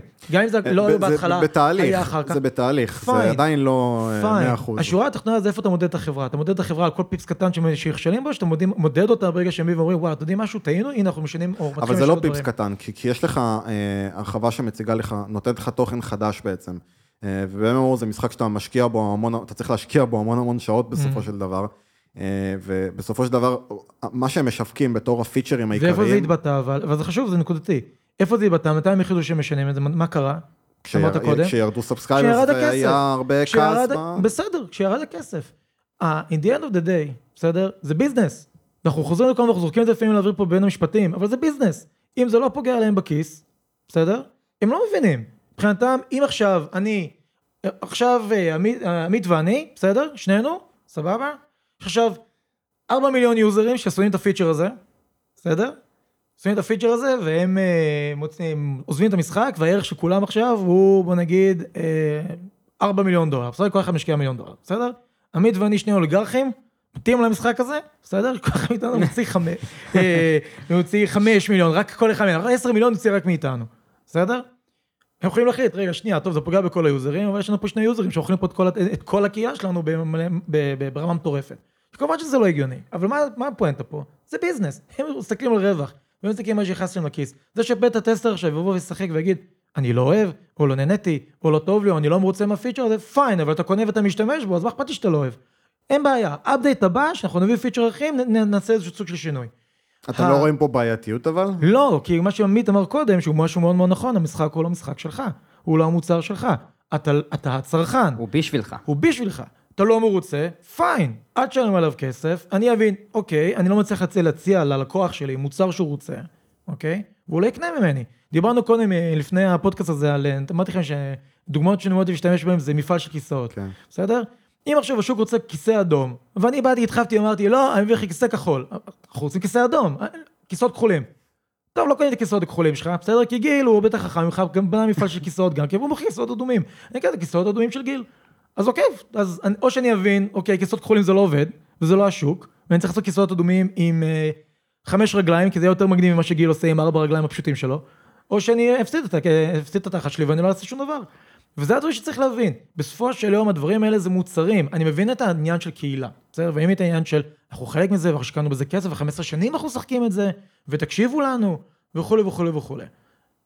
וזה business. ואם אתה כקהילה תתלונן ותקנה, אז אני מבחינתי אגיד, בסדר, זה מת- מתלוננים, בסדר, על כל דבר הם מתלוננים. עשינו להם- עשינו להם skin של אה, ג'מוס עם, אה, עם קרניים ו-800 אה, זנבות, נראה לי לג'מוס יש קרניים. אז אז, והת- והתלוננו על יש זה יש גם. צוות בדיקה כרגע לעניין של כן, ג'מוס וזה כאילו, וקרניים. אתה יודע, התלוננו על זה שזה מכוער וזה לא טוב ולמה זה עולה כסף. נו בסדר, תמיד מתלוננים. תראה, אני אומר, ולגבי הנושא הזה, שנכון, תמיד מתלוננים, ובטח בחברות גדולות, אבל למה אנחנו רואים באמת את הנושא של, דווקא בחברות גדולות יש המון המון המון את האירוע הזה של בעיות של חוסר תקשורת עם הקהילה, ואני ממש אשמח לקחת את זה גם אה, מכם, מדוגמה אישית שלכם. כי יש מחזיקי מניות, מה זאת אומרת? אוקיי, אז אני בדיוק רוצה לשמוע. דווקא, אני מבין לגמרי, אה, חד משמעית, אנשי עסקים שנכנסים כי שמעו שיש הרבה כסף בגיימינג, למרות שהם לא באים מהעולם הזה. דרך אגב, שנייה, שנייה, אני- רוצה רגע לקטוע אותך, אני פשוט לא רוצה לשכוח את זה, כי התחלנו את הדיון בלדבר על microtransaction, זה תחילת הפודקאסט. בוואו יש לך אפשרות לקנות אה, בחנות, אה, או ב currency של כסף אמיתי, או לקנות WoW Token, אה, שמקביל לכסף אמיתי, שאותו אתה יכול לקנות ב gold בתוך המשחק.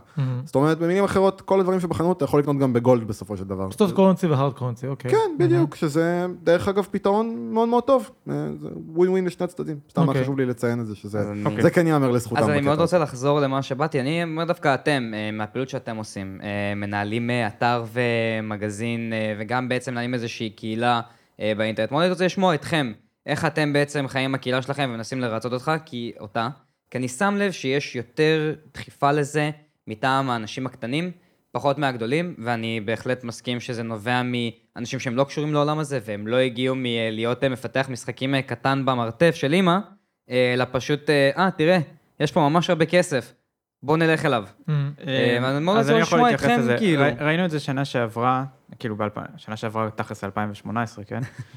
אה, אבל נקרא לזה 17-18, או שנת הלימודים, או או השנה העברית לצורך העניין, שהייתה שנה שעברה. היו לנו אה, בסוכות, חנוכה ופסח המון אירועים של אה, גיימינג, אה, ובפסח זה היה שיא אפילו, שהיו שניים, אה, gamers ושל מאקו. ומה קרה השנה? אין, אין כלום. כאילו, סוכות לא היה שום דבר, היה איזה, איזה לא, אירוע היה- Fortnite קטן כזה. אה, היה יותר מ Fortnite, האמת. היה, אה. לא היה, לא היה ברמה של... לא ברמה לא לא ברמה שראינו, אוקיי. שראינו ברמה... אנחנו גני תערוכה, כן. אולמות ענקיים. אה, לא ברמה הזאת שסוגרים, והיה אה, באירוע, אחד האירועים של מאקו גם היה, אה, של מאקו גיימין, אה, בערב היה אירוע ל-18 פלוס, עם אלכוהול וזה, שהיה נחמד, וגם היינו שם וביקרנו. אז תשאל את עצמך, מה, למה פתאום זה קרה? למה פתאום היה אירוע אחד בסמי עופר? למה היה אירוע ב... אה, היו אירועים כאילו בפסח שני אירועים, אחד אחרי השני בחפיפה. גם לא היה ממש משהו לחדש, כאילו מה שראינו בחנוכה זה מה שראינו בפסח, ואם בחנוכה יכולנו לשחק במשחקים לפני שהם יצאו, בפסח זה היה לשחק במשחקים שכבר יצאו, כאילו, למה שאני אבוא לתערוכה לזה? וזה היה העניין, זה היה, כי היה אינטרס של, אה, כי היו אנשים שראו כסף ורצו להיכנס ולנסות אה, לעשות, כי יש אה, יזמים. אז יכול להיות שהיזם הזה היום בוחר את התעשייה של הגיימינג, ויכול להיות שמחר הוא בוחר את התעשייה של הכיסאות. בסדר? אם נחזור לדוגמה הקודמת. התעשייה. התעשייה. בעצם. או. שהוא בוחר, לא יודע, הוא מזהה הזדמנות עסקית. עכשיו, שוב, זה, אתה יודע, כל מיני אנשים, ש... לא, לא ללכלך, חס וחלילה. אבל השאלה בסוף, איפה, כשאתה מנהל קהילה, לחשוב, כי אתה עובד עם אנשים. אז איפה הדבר שאתה תוכל לנצל, כי בסוף אתה משקיע כסף, במה אתה תוכל להרוויח הכי טוב ממנו? כאילו, אני שם שקל, מה אני רוצה להשיג? האם מתוך השקל הזה אני רוצה להשיג שיותר אנשים יישארו והמשיכו להיות איתי בקשר, כי זה אה, מה שמעניין אותי, או שאחרי זה הם יחזרו לי, יחזירו לי בתמורה של רכישת מוצרים. עכשיו, קרה פה, קורים פה הרבה דברים במקביל. כאילו, אנחנו רואים העניין הזה של הפצה ישירה, דיגיטלית. זה הופך את זה לזה שכאילו, למ, למה אני צריך אז חברות הפצה ישראליות?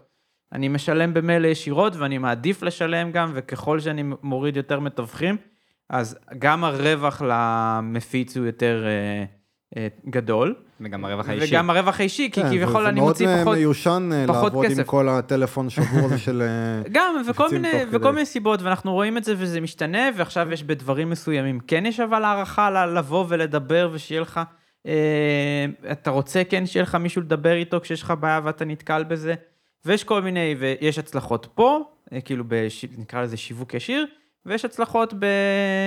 אה, בשיווק אה, כאילו אינטרנטי ישיר, ויש הצלחות ללכת לחנות הקלאסית. גם זה, יש אנשים שזה שונה, זה לא רק קשור לדור, אגב, יש, אנחנו רואים את זה עם החזרה לעניין הזה של פתאום אנשים רוצים אה, אה, אה, קונסולות אה, רטרו, כאילו, אה, שמחפשים, אז אתה יכול למצוא את זה רק אצל אנשים שהם אה, באמת מומחים בתחום. אה, אז בעצם מה שאני אומר זה שיש לך כסף, כאילו, ואתה רוצה לנהל קהילה, אתה צריך לבחור איפה אתה רוצה לעשות את זה. יש דברים גם, הרבה פעמים אנשים מנסים להביא אה, דברים שעובדים בחו"ל, להביא אותם לארץ, נגיד גיימסקום. היינו שם. זה מטורף, וזה קורה כל שנה, וכל שנה יש שם יותר אנשים, ו- וזה אחד האירועים הכי מרכזיים ב- בעיר הזאת, וכל העיר מתלבשת לזה. אבל זה כי זה אירופה, ואנשים זורמים לשם אה, בתחבורה ציבורית, במטוסים, מהרבה ברכבות. מדינות, כן. מהרבה מדינות. בארץ, אוקיי, כאילו, אתה תעשה אירוע אחד בשנה, יבואו לך, אתה צריך איזה שלושה ימים שלו כדי להצדיק, ושיבואו לך כל האנשים האלה. אה, אבל אתה תעשה עוד אירוע בשנה, ותעשה אירוע שלישי, אז כבר אנשים יפסיקו לב- לבוא, ו... אותם אנשים. אז אותם אנשים, אז אין להם למה לבוא. ועכשיו מה שאנחנו רואים השנה הזאתי, אה, זה התחיל, אה, היו כמה אירועים כאלה כבר, בשבועיים שלושה האחרונים, והיינו בהם, ויש עוד כמה שמתוכננים, וזה אירועים קטנים, אינטימיים, של, של קהילות. היה את האירוע של הקהילה של World of Warcraft הישראלית, עם ההפצה של, עם ההשקה של אה, חבילת ההרחבה האחרונה. זה היה בהייפ. זה היה בהייפ, נכון, אה, והיה אירוע שהיה מוקדש למפתחים ישראלים לפני שבועיים, אה, והיה אירוע שהיה מיועד ל Black Ops 4 אה, ולקהילה שלו, ויש תכף ליגה קטנה של CSGO שמתחילה, ואירועים קטנים, קטנים כאלה. וזה פשוט כי זה המודל שמתאים למדינת ישראל, כי אנחנו אינדי. אנחנו... ישראל זה אינדי. ישראל- זהו, ישראל זה העניין. זה זה, זה. כי הגיימינג פה, עם כמה שזה מיינסטרים לצורך העניין, ו Fortnite זה מיינסטרים, מתי אתה ידעת ש Fortnite זה מיינסטרים? יש איזה ש- כתבות בוויינט. אומרת? לא, שבארץ נהדרת היה את המערכון, שהם עשו ריקוד בסוף, שהם נכון. עשו את הריקוד, את ה floss. ה flossing. כן. אה, בכלל במשהו שקשור למערכון ביטחוני. אה, אז אתה מבין שזה, שזה הגיע למיינסטרים. אה, ועדיין, כי, כי בסוף, מי שמשחק, עיקר האוכלוסייה של פורטנייט זה ילדים שאין להם, מי שמוציא את הכסף זה ההורים שלהם. אה, וזה לא, אני לא יודע עד כמה, אני לא נכנס לנתונים פה של החברה, כמה מתוך הרווח וכמה V-Bucks וכולי. אבל אה, זה גם העניין הזה, הקהילה בארץ היא שונה. היא קטנה יותר, יש, הקהילות הן קטנות יותר בקנה מידה משמעותי, גם כי זה לא נפוץ עדיין. יכול להיות שאותם שחקני Fortnite, גם עניין תרבותי. עניין תרבותי, עניין של זמן פנוי, יכול להיות שאותם שחקני Fortnite עוד שנה, שנתיים מעכשיו, הם יהיו אלה ש... אתה יודע, הם ייכנסו לעולם הזה עכשיו דרך המשחק הזה, זה gateway game כזה, אה, או gateway drug, ו Fortnite זה באמת סוג של סם לפי מה שקורה בשבועיים האחרונים בארץ. אה, ואז אה, פתאום הם ייכנסו למשחקים שהם יותר hardcore gaming, שגם, כאילו, מה זה hard? כאילו, שהם באמת משחקים שמה שאנחנו מכירים, שאנחנו מדברים, והם לא עוד פרפרזה על באטל רויאל עם כמה שהיא טובה ו- וכבודה במקום המונח. אבל שוב, הקהילות הקטנות האלה שרצות ומחזיקות משחק בארץ ומנהלות, והמון פעמים באופן עצמאי ומריצות את עצמם, ולאט לאט אנחנו רואים, כן, אנשים שהשקיעו באותם אה, אירועים גדולים שהיו שנה שעברה, הם הבינו, זה כמו הסיפור שהיה לאקסבוקס עם ההשקה של הוואן, שהם ניסו להתמקד במשפחה ובמוצר למשפחה, והם פספסו את כל הגיימרים שלהם, ו- ופלייסטיישן, וסוני הלכו עם הפלייסטיישן 4 ואמרו, כאילו, אתה רוצה לשחק, אתה רוצה להיות ארדקור גיימר, בוא לקונסולה שלנו. וזה מה שקרה, כאילו, זה מה. שהכריז, וסוני ניצחה, אז גם אותו דבר, כאילו, בסוף זה יקרה ואז גם... נינטנדו ב- בא עם הסוויץ', רק אומר. אבל- ניטנדו היא ה... אבל זהו, זה- wild card כזה. החוקיים למשפחה. הם, ה- הכל, משפחה זה חוץ ניטנדו. מהפרסומת שלהם של מריו קארט, שכל המש- כל המשפחה משחקת וכולם נהנים וכולם אוהבים אחד את השני, שקר וכזב. שקר וכזב. פולס advertising at its finest, כאילו. ל- אתם לחלוטין. יודעים שהסמאש ברוז, הפרסומת הראשונה שלהם הייתה, זה כל הדמויות הולכות מכות בדשא, כאילו כולם- בחליפות מסקות כאלה של הדמויות, והן הולכות מכות בדשא, ואתה כזה. מה זה הדבר הזה? אני רוצה לשחק את זה. זה של הסמאש הראשון. אנחנו- נתקענו בסשן עם עוד חבר כן, אתמול עד איזה שלוש בלילה. בלילה, משהו. לא... בדיוק סיימתי לפתוח את כל הדמויות. בסופו של יום, בסופו של יום, אה, אני רוצה לקשר קצת את ה... אם אפשר, לקשר את ה... מה שאתה אומר לגבי, אמרת- קודם בעלי מניות, והתחלת לדבר על כסף, והתחלת לדבר על כן, זה- בסוף... וגם לקשר את זה ל- ל Blizzard Activision, שצריך לזכור, Activision Blizzard. Activision Blizzard, כן, אתם יודעים שזה merge, כן? כן. כן, זה לא- ברור. זה לא רכישה. לא, לא, זה מ- זה אוקיי. החלטה הדדית. אז יש לכם, ככה ניתן. בסופו של יום יש לכם board, יש לכם בורד. מצביעים בבורד, אומרים מה הצעדים הכלכליים שאנחנו רוצים לבוא ולעשות, איך אנחנו רוצים לבוא, איך אנחנו מכניסים כסף בשנת אה, 2019, אוקיי? ונלקחות ההחלטות שם. וזה די ככה, באמת שזה די ככה. ולא תמיד ההחלטות הן החלטות שקשורות ליוצרי המשחקים, או ל-CEO אפילו של החברה, אה, ופשוט זה מה שהבעלי המניות רוצים, והם רוצים עוד איזשהו סוג של הכנסה. אתה יודע, היו יש... ירידות במניות, דרך אגב, אה, בליזרד. לא, אבל שנייה, מניות שנייה, אבל. זה זה מה שצריך להגיד, זה משהו שקורה, אה, כאילו זה, ש- השוק העולמי נכנס להאטה. עכשיו, אגב, יכול להיות, סתם לדוגמה, אני לא יודע, יכול להיות שלבליזרד, יש, אנל- לבליזרד אקטיביז'ן, היו אנליסטים שחזו את זה, והם אמרו, תקשיבו, ה- לצורך העניין, השוק המערבי, או הנתח המערבי שלנו, בשנה הבאה, ב-2019, הולך לרדת, כי קורים עוד כל כך הרבה דברים, ולאנשים, הכסף הפנוי שלהם, שהם רוצים לבזבז על ההנאה, ירד. אז אם אנחנו נלך עכשיו לדיאבלו 4, אימורטל. או לא, לא, ההפך, אה, לא. אם אנחנו נלך לדיאבלו 4 עכשיו, אנחנו לא נצליח, גם יעלה לנו הפיתוח יותר עכשיו, מכל מיני, כי הכל יהיה יקר יותר, וגם הערך שאנחנו נקבל, הוא יהיה. נמוך יותר, כן. כי לאנשים יהיה פחות כסף. אבל יכול, אני לא יודע, אולי, הם הם בחרו ללכת עם האימורטל הזה, כי יש שוק אחר, ואנחנו יודעים שזה מופנה יותר לשוק הסיני, כי שם העיקר, ה- ובסוף יש מיליארד סינים פלוס, ולהרבה מהם יש סמארטפונים. אסיה היא, היא, היא מקום נקודת כוח מאוד חזקה לתעשייה. אז יכול להיות שעכשיו אה, זה החמצן שלהם לצאת מהמשבר הנוכחי, מה- לצלוח את המשבר הזה, ויש, אנחנו רואים את זה, לאפל עכשיו הייתה ירידה, אה, כל המדדים, למי שעוקב על זה, של, של, אה, של הדאו ג'ונס, והזה, ופה, והכל בירידה. אז יכול להיות שזה עכשיו מה שייתן להם את האוויר הזה, כי בסוף יש להם מטרה להמשיך לעשות כסף ולשמור את החברה אה, במאזן החיובי. ודיאבלו 4 אולי יגיע ב-2020, אולי, כאילו, יכול כולנו, להיות. כולנו מקווים נראה לי בעיקר ו- לשכוח את אימורטל ושיצא דיאבלו 4. שוב, וצריך להבין, עכשיו גם המודל היום של, של חברות, גם אה, אין חברות סיכוי גדולות, שדיאבלו הרבה יגיע ב-2020, רק- רק גם, אומר, גם, כאילו. של, גם אבל של חברות גדולות, אה, כמו בליזרד אקטיביז'ן, זה שהצוותי פיתוח שלהם הם גדלים וקטנים, גדלים וקטנים כל הזמן. אז בגלל זה גם לפעמים יש אה, השפעה על, אה, על התנודתיות באיכות של משחקים, כי זה עולה ויורד, כי זה צוות אחר, זה לא אותו צוות, יכול אגב, להיות גם שנשאר דיאבלו- רק איזה... זה, זה קורה, זה כאילו, אה, זה תעשייה שהיא מאוד דינמית, הנושא הזה של, של אולפנים שעובדים בתוך מפתחות. וגם, ו, ויש המון, כאילו בוא נגיד, זה לא, 2018 לא הייתה שפל בתחום, יש המון משחקים טובים לשחק. זה מעצבן שדברים שרצו המון זמן היו מאוד לא טובים. אה, אני מסתכל על זה בעיקר שב-2018 יצאו המון משחקים טובים, אתה היית צריך להתנתק לפעמים ולהסתכל על דברים, כאילו, אני תמיד שואל את עצמי, האם המשחק טוב? לא אכפת לי מה אומרים מסביב. האם המשחק, האם אני עכשיו, שאני מרים את השלט, או את ה... גם אם אתה לוקח את מה שאמרו אני מסביב, יצאו לך משחקים טובים שקיבלו ביקורות טובות. יש לך. את God of War 4 שזכה נכון, ב game of the, נכון, יש לך את נכון, ספיידרמן. יש לך את Super Smash Brothers, יש לך המון משחקים לסוויץ'. מסכים לחלוטין. לא חסרים אני, משחקים אני טובים. פשוט אומר, וזה קל מאוד להיכנס היום להייפ של, של הדברים, ולהיות חלק מזה, ולהיות בהייפ החיובי, ואז לחוות את המפח נפש הזה, ו, ו, ו, ו, וזה לפעמים זה באגים, ולפעמים זה חוסר תוכן, ולפעמים זה ששינו, ו, והתחושה של הייתי מושקע רגשית במשחק, אה, לנסות ולשאול כל אחד, כאילו בסוף, אה, אנחנו כשחקנים או כצרכנים, אני אמור לספוג מזה הנאה.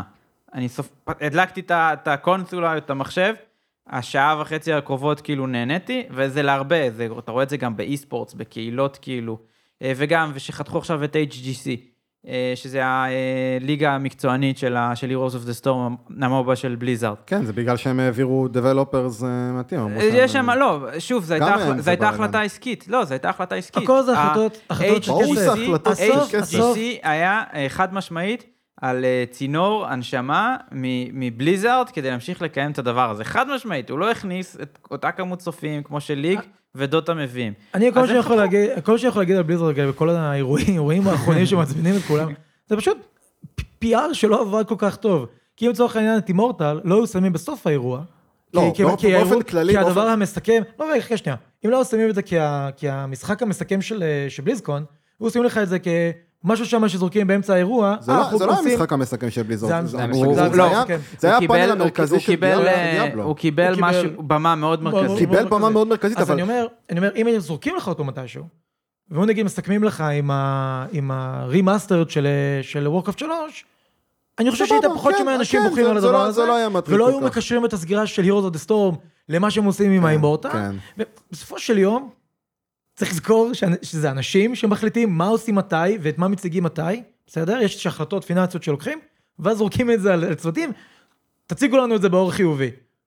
עושים טעויות. אבל אם אתה מנסה לבוא ולהתרחק החוצה ולהסתכל, אה, אוקיי, כמה נורא בכלל מה שקורה פה באמת, לא נקבל דיאבלו 4, נקבל דיאבלו 4. אני לא חושב שהבעיה, הפיאסקו של אימורטל, דרך אגב, היה כל כך רק מבחינת, אה, זה, הם מציגים לי משחק למובייל במקום הדיאבלו 4 שרציתי, אלא יותר זה שבליסקון אה, זה הכנס שבו, אם נכמת את זה עוד פעם לקטע של עסק, אה, מעריצים משלמים כסף כדי לראות פרסומות, בוא, בוא נגיד את זה ככה. נכון. אבל בתכלס, זה כנס שבו כל השחקני בליזרד, שכל המשחקים נפגשים וכל Mm. הקהילות נפגשות, וזה משהו שאמור להיות מאוד מאוד חווייתי וכיפי. ודיאבלו אימורטל זה משחק שפונה לקהל מאוד מסוים שהוא לא בדיוק הקהל שמגיע לבליסקון. אז אה, אז אני אומר, אז- המסקנות, אז הם הבינו שלהציג את זה ברמה הזאת זה לא טוב. זה בדיוק. אבל אתה יודע, אפשר באותה מידה לא להציג כלום, נכון? כי שום דבר לא מוכן, ואנחנו כבליזרד או אין לנו מה להראות. או לחילופין, אבל יש תציגו, תציגו, אין בעיה, אז תציגו את דיאבלו אימורטל, גם אם אתם רוצים בבמה המרכזית, תציגו את זה, ואחרי זה תנו טיזר של עשר שניות של דיאבלו 4, רק שאנשים ידעו שזה קיים, שזה אין כאילו נמצא שם. אבל זה זה בדיוק זה, אתה מבין? זה בדיוק זה. פיאר. או שאני רוצה, אבל אני לא רוצה אותך בטיזר קטן של דיאבלו 4, אני רוצה לבוא להציג לך משהו מפוצץ של דיאבלו. אבל זה מה שהיה מציל אותם, לא. מציל להם חלק מאוד גדול מהרעש הזה. תראה, אתה יודע, אנחנו תמיד, תמיד להסתכל על הדברים אחר כך, ולא להגיד, אם היינו עושים ככה, היינו עושים את זה יותר טוב, זה משהו שקל להגיד. אני כן. חושב? שזה קצת אה, 2018 בעצם, אה, הנה למדנו מטעויות, כי אני מסכים איתך חד משמעית שלא יצאו, כאילו, זה לא שלא יצא משחקים טובים ב-2018, אני חושב ש-2018 הייתה סוג של, אה, פתחה עיניים בצורה דווקא חיובית באיזשהו מובן, להמון מהמפתחים האלה, בהקשר של מה עשינו לא בסדר, איפה היינו.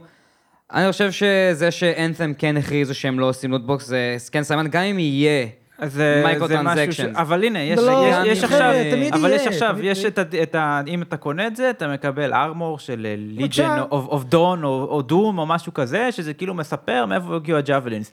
אז בסדר, אז אין, אין לו יכולות מיוחדות, אבל הוא נראה מגניב. אין בעיה, אבל מגניב דיבר-. דיברנו בהתחלה שזה שזה יהיה- מייקרו כן, כן, אבל, בסדר, אבל הם, הם. מוצאים, אה, שוב, זה גם בסוף השאלה, כאילו, אותו מנגנון שיש. בסוף תזכרו שאני לא יודע, אני קונה בד, בדולרים, נקרא לזה, משחקים, בשלוש, ארבע שנים האחרונות, הכל מסביבי עולה, אבל עדיין Call of Duty עולה 60 דולר כל שנה. זו שיחה ענקית בפני עצמה, על זה שמחירי המשחקים צריכים לעלות, אגב. אז זהו, אבל השאלה לצורך העניין, כי אם אני עדיין רוצה להוציא את ה-60 דולר ולהסתפק במה שיש עכשיו, שיכול להיות שבמובן מסוים זו אותה חוויה שהייתי מקבל גם לפני שנתיים, אם כבר מוציאים החוצה מרכיבים וזה, אז זה מתחיל להיות בעייתי.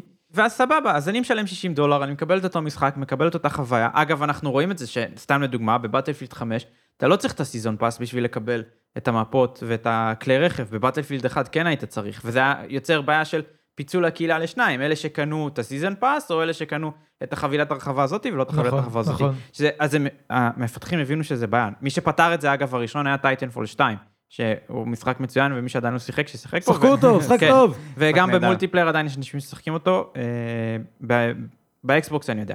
אה, אז צריך להבין בסוף, כאילו, זה שזה נשאר ה-60 דולר, הקבוע הזה, מאיפה הכסף הזה בא? הכסף הזה בא או, וואו. בזכות אותם... אין לנו זמן לפודקאסט הזה, ב- זמן. בשביל לדבר על אה, אה, למה זה 60 דולר, לא, ומי באמת מקבל נתחים כן. מתוך ה-60 לא, דולר. לא, האלה. הכוונה היא, שכאילו אותם אנשים שמוסיפים עוד בשביל הסקינים האלה והדברים האלה וכולי, הם מאפשרים לשחקנים שרוצים עדיין לקבל את אותה הרחבה, את אותה חבילה ב-60 דולר, לקבל אותה כבר ארבע שנים. אתה לא תראה אף פעם, אני רק רוצה לענות לך מה שאמרת קודם, הם לומדים מזה, והם למדו מזה, הם לא למדו מזה. והם לא אני ילמדו לא מזה. מסכים איתך. הם לא ילמדו אני ממש מזה. לא מסכים איתך. הם לא ילמדו, ואני אגיד לך למה. איזה גלום. אני אגיד לך, לא, לא, אני אגיד לך למה אבל. כי זה טבעי, וזה משהו שתמיד יהיה, ותמיד מצאו דרך מסוימת למשוך עוד כסף, ותמיד מצאו דרך מסוימת נושא למכור לך. עוד משהו. לא, שנייה. זה תמיד היה.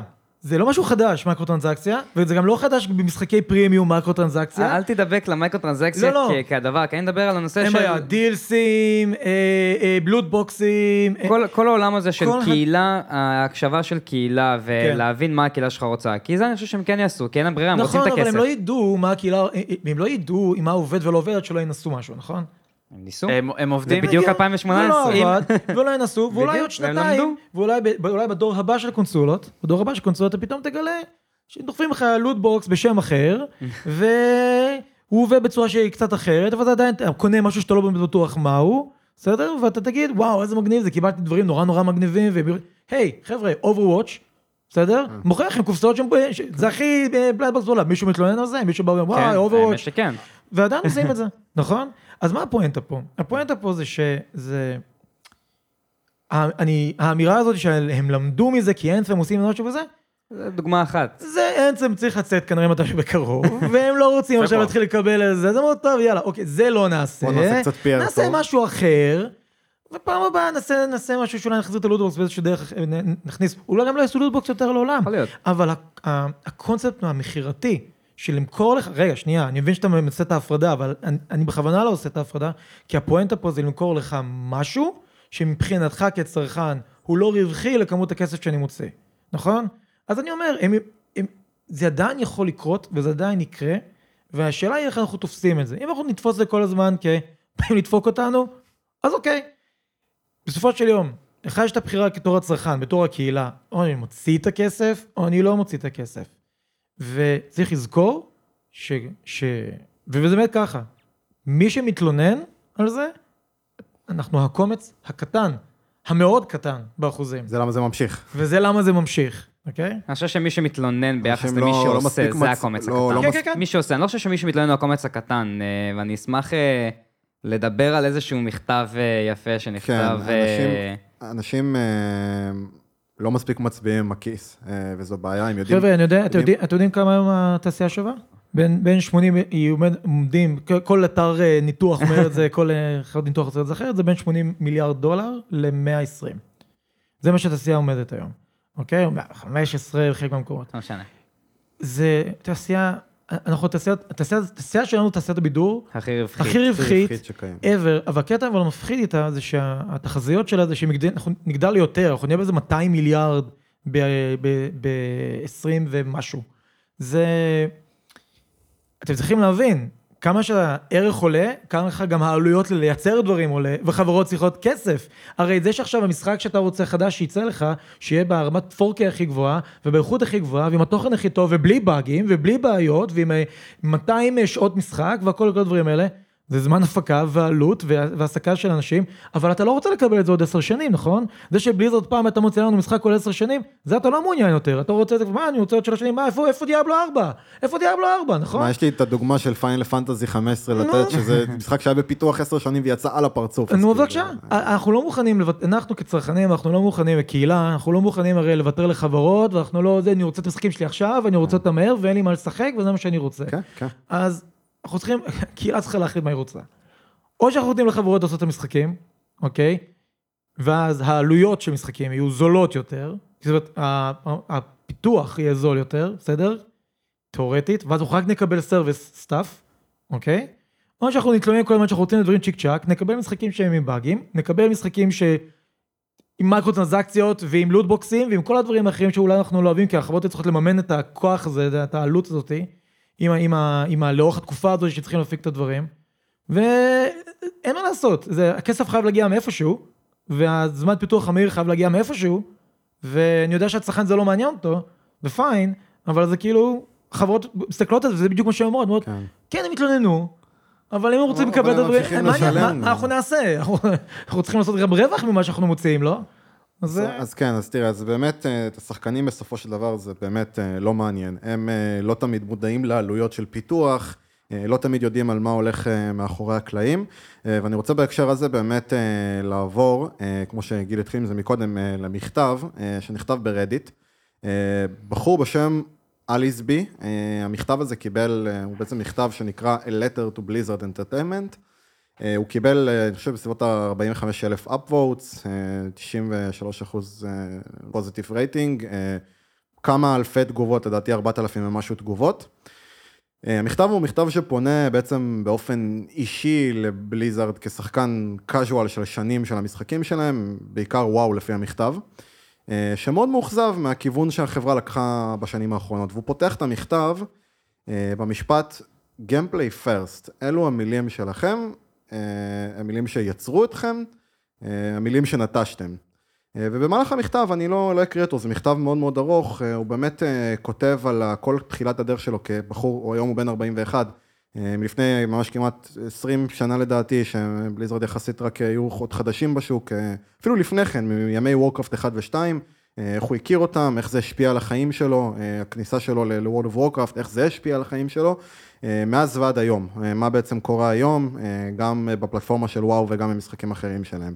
והוא במהלך כל המכתב הזה בעצם אה, עורך את ההשוואה הזאת בין בליזארד לבין אה, קבוצת ספורט שהוא מאוד מאוד אה, מעריץ, ואומר, אני מבין שזו חברה עסקית, אממה, החיבור שלי עם החברה זה, אני רוצה שהם יצליחו, יש לי חיבור רגשי אליהם. זה לא כמו שאני קונה כיסא במפעל, של, זה לא כמו שאני קונה, לא יודע, שידה באיקאה והשידה לא מספיק איכותית, או לא יודע, אה, אה, יש לי קשר רגשי עם החברה, הם יצרו מוצר, אה, נתנו לי מוצר, משחק שגרם לי לחיבור רגשי איתם, וחשוב לי שהם יצליחו ושהם מתנהגים בצורה שאני מרגיש שהיא מזלזלת בי כלקוח, אני, אני, זה כואב לי אישית, אני, אני מאוכזב מזה, זה לא היחס שאני מצפה לקבל מהם.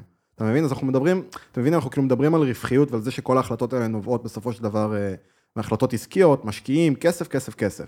אבל אז ככה, אם אני, יורשה לי, שני דברים. א', בליזרד זו חברה שקיימת משנות ה-90, 90. ויש כל מיני בהתחלה עד שהיא התמקדה ובחרה את השם בליזרד הזה. נורת.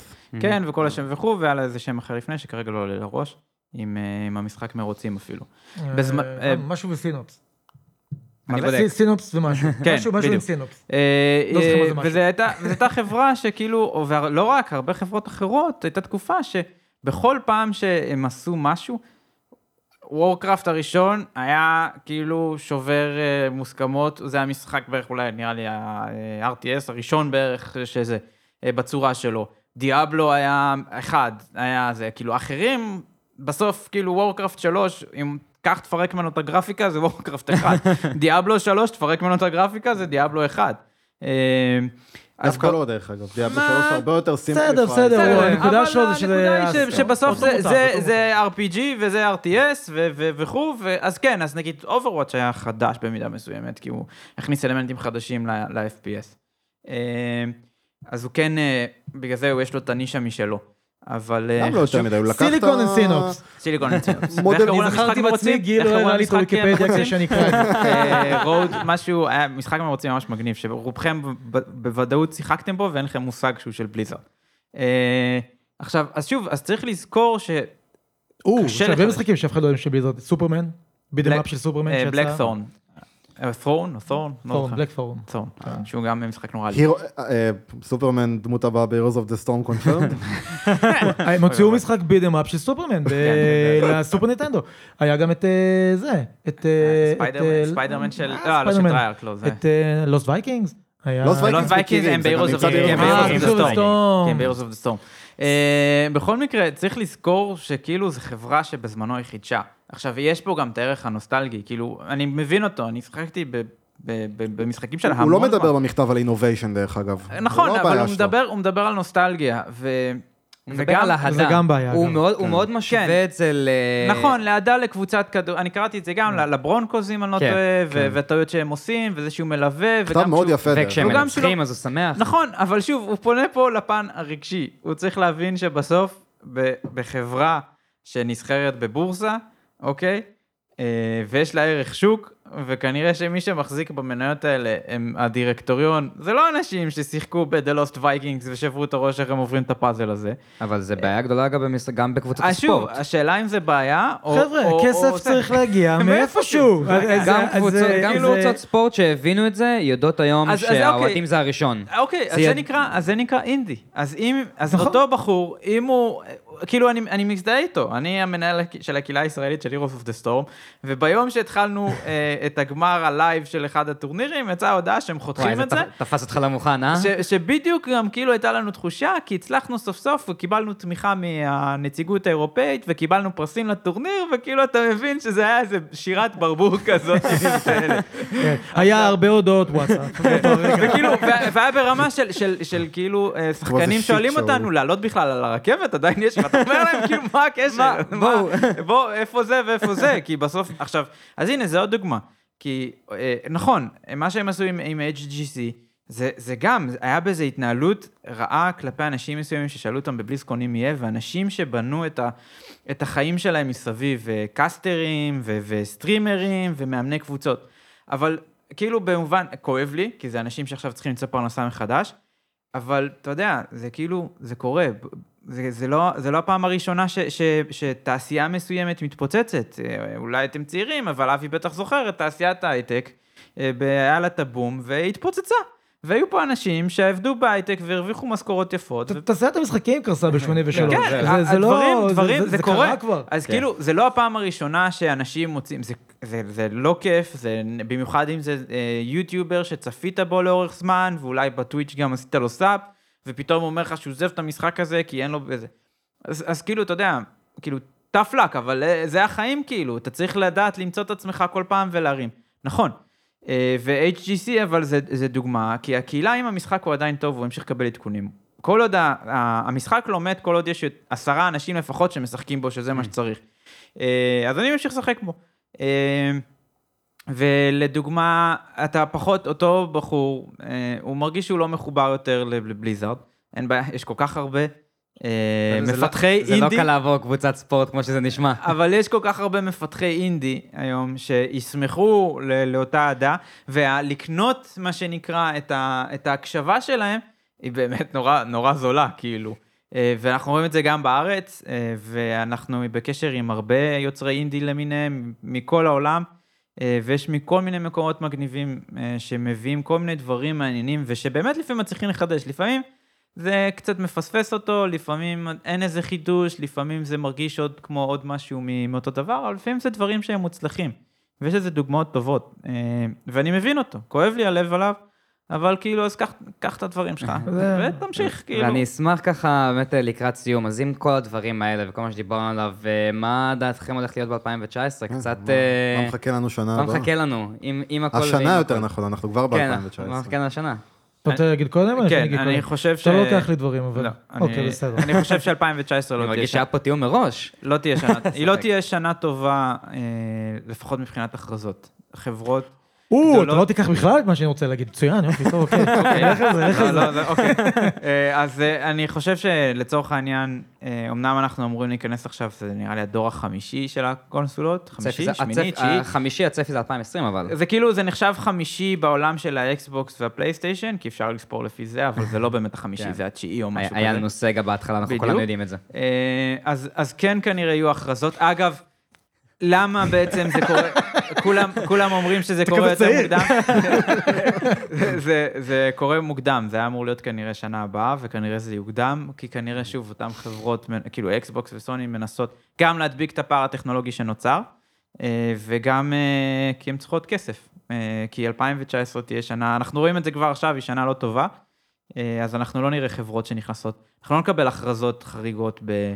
ב-E3 הבאה נגיד, של 2019. אני לא חושב שאנחנו נראה הכרזות על פרויקטים אה, מאוד מאוד מאוד מאוד מאוד אה, אמיצים. The Last of Us 2, פליז. לא, The Last of Us, אבל שוב, זה, זה משהו, שהוכרזו. זה, זה משהו, The Last of Us 2, זה כאילו, אתה יודע, זה, זה, תן לי תאריך השקה, זהו. זה, זה כאילו, זה, זה, זה בטוח, אבל אתה לא תראה משחק שתגיד, וואו, איך לא חשבו על זה עד עכשיו, או כאילו, יואו, הם חידשו במשהו. זה, זה התחושה שלי, אנחנו נראה כניסה חזקה של ה-VR בעניין הזה. אה, אני חושב שכן. איזה גלגולי עיניים עפים פה. אני זה חושב שפן. אתה ואני כאילו, זה כאילו אנחנו לא מכירים. אוקיי, תמשיך. אתם בטוחים שאתם עובדים ביחד? אני סקרן, אני אה, לשמוע. לכולנו יש. זה. והעלייה של האינדי, אה, ואנחנו ככה, אני גם מזמין על הדרך, אם אה, אתם מקשיבים לנו ואתם מפתח ישראלי ואתם אה, רוצים שנעזור לכם אה, בלסקר את המשחק, אה, לתת כמה, אה, אולי אפילו טיפה מעבר מחשבות, יש איזה כמה, אה, כל מיני משחקים ככה שקיבלנו להיות הבטה טסטרים, אז אה, אז החבר'ה, חלק מהכתבים שיחקו. סתם, היה איזה משחק, אני לא אזכיר את השם שלו, אבל אה, שהיוצר שלו הבין שהוא צריך להוסיף אה, עזרה ל, אה, כאילו לאנשים עם אה, עיוורון צבעים. כי מי ששיחק בזה מהאתר שלנו הוא עיוור צבעים, והיה. איזה שלב שהוא לא הצליח לפתור, כי זו הייתה חידה בצבע. אה, אז כל מיני דברים כאלה, אז אה, אם אתם אה, ישראלים שמפתחים, אנחנו נשמח אה, לשמוע מכם, ואנחנו גם עמוסים כמוכם, אבל לנסות לעזור וגם להשתמש בבמה, בבמה הבינלאומית שיש לנו כדי אה, לתת לכם עוד אה, ככה... אה, בוסט וחשיפה. בוסט, בדיוק. כן. אה, או סתם כיף. וזהו, זה, אני חושב ש-2019 תהיה ככה, יהיו דברים אה, שונים השנה, אבל היא תהיה... הכתובת של האתר הישראלי... Gamers Pack co.il. co.il. או לחפש בגוגל. הבינלאומי כן. זה או פייסבוק, כן. אינסטגרם. אה, טוויטר, אם אתם מהבודדים שהם לא פוליטיקאים או עסוקים בפוליטיקה ויש לכם טוויטר, אז גם יש לנו. לשניהם. אה, ואם אתם כן, אני פוליטיקאים אם אתם אני לבד- בדרך כלל בטוויטר הישראלי שם, אני מצייץ ו... רציתי להגיד שאם יש. פוליטיקאי שמאזין לנו, גם מוזמן ליצור איתנו קשר ולבוא. דבר עם משחקים. כן, משחקים. אה, ומה דעתך? וזה- זה- אני חושב ההפך אה, ממך. לגמרי. אה, נתחיל מזה שאני לא יודע אם אתם, אה, יצא לכם לראות את זה, אבל יצא את ה-Holidays, ברכת אה, Happy Holidays של סוני. לכם לראות כן, אותה? כן, כן, נתקלתי כן. בזה. שגילו חמש. שהחמש, גילו את החמש בפניהם. זה היה בתוך ה- בגיים אוף כן, כן, כן. אה? כן. זה היה אצלנו. זה היה אצלנו. נו בסדר, אני שאלתי אותם, לא אותך, עמית. ברור שהם ראו את זה. אה, מה זאת אומרת? אתם ראיתם את אני עוקב נכון? אחרי כל פוסט שלכם. מצוין בטוויטר. בטוויטר, בוודאי. אז, אה, אז אה, אני חושב שהשנה הזאת תהיה השנה של ההכרזות, האמת. חושב- כזאת, אני חושב שזה... של ההכרזות, רק של דווקא ההכרזות. בדרך כלל הפלייסטיישן, ההכרזות. מהניסיון שלי, רוב ההכרזות של המשחקים הם באמת מעניינים, זה כזה שנה אחרי השקה, חצי שנה, שנה אחרי. לא של משחקים. לא, הם עדיין בשלב מקדים יחסית. לא של משחקים. יהיה לך... תתחיל הכרזת קונסולות. אני חושב שיהיה לך, זאת תהיה שנה, אם לא של הכרזות, זאת תהיה שנה של אה, הדלפות. אה, מעניין. הדלפות במרכאות אני עושה עם האצבעות שלי. אה, אני חושב שהתעשייה הגיעה לאיזשהו סוג של בעיה ב-2018, שאנחנו הגענו למצב שאנחנו לא מחדשים יותר כלום, שכל המשחקים דומים אחד לשני, לא רק במשחקים, זה גם אמרתי גם VR. בקולנוע.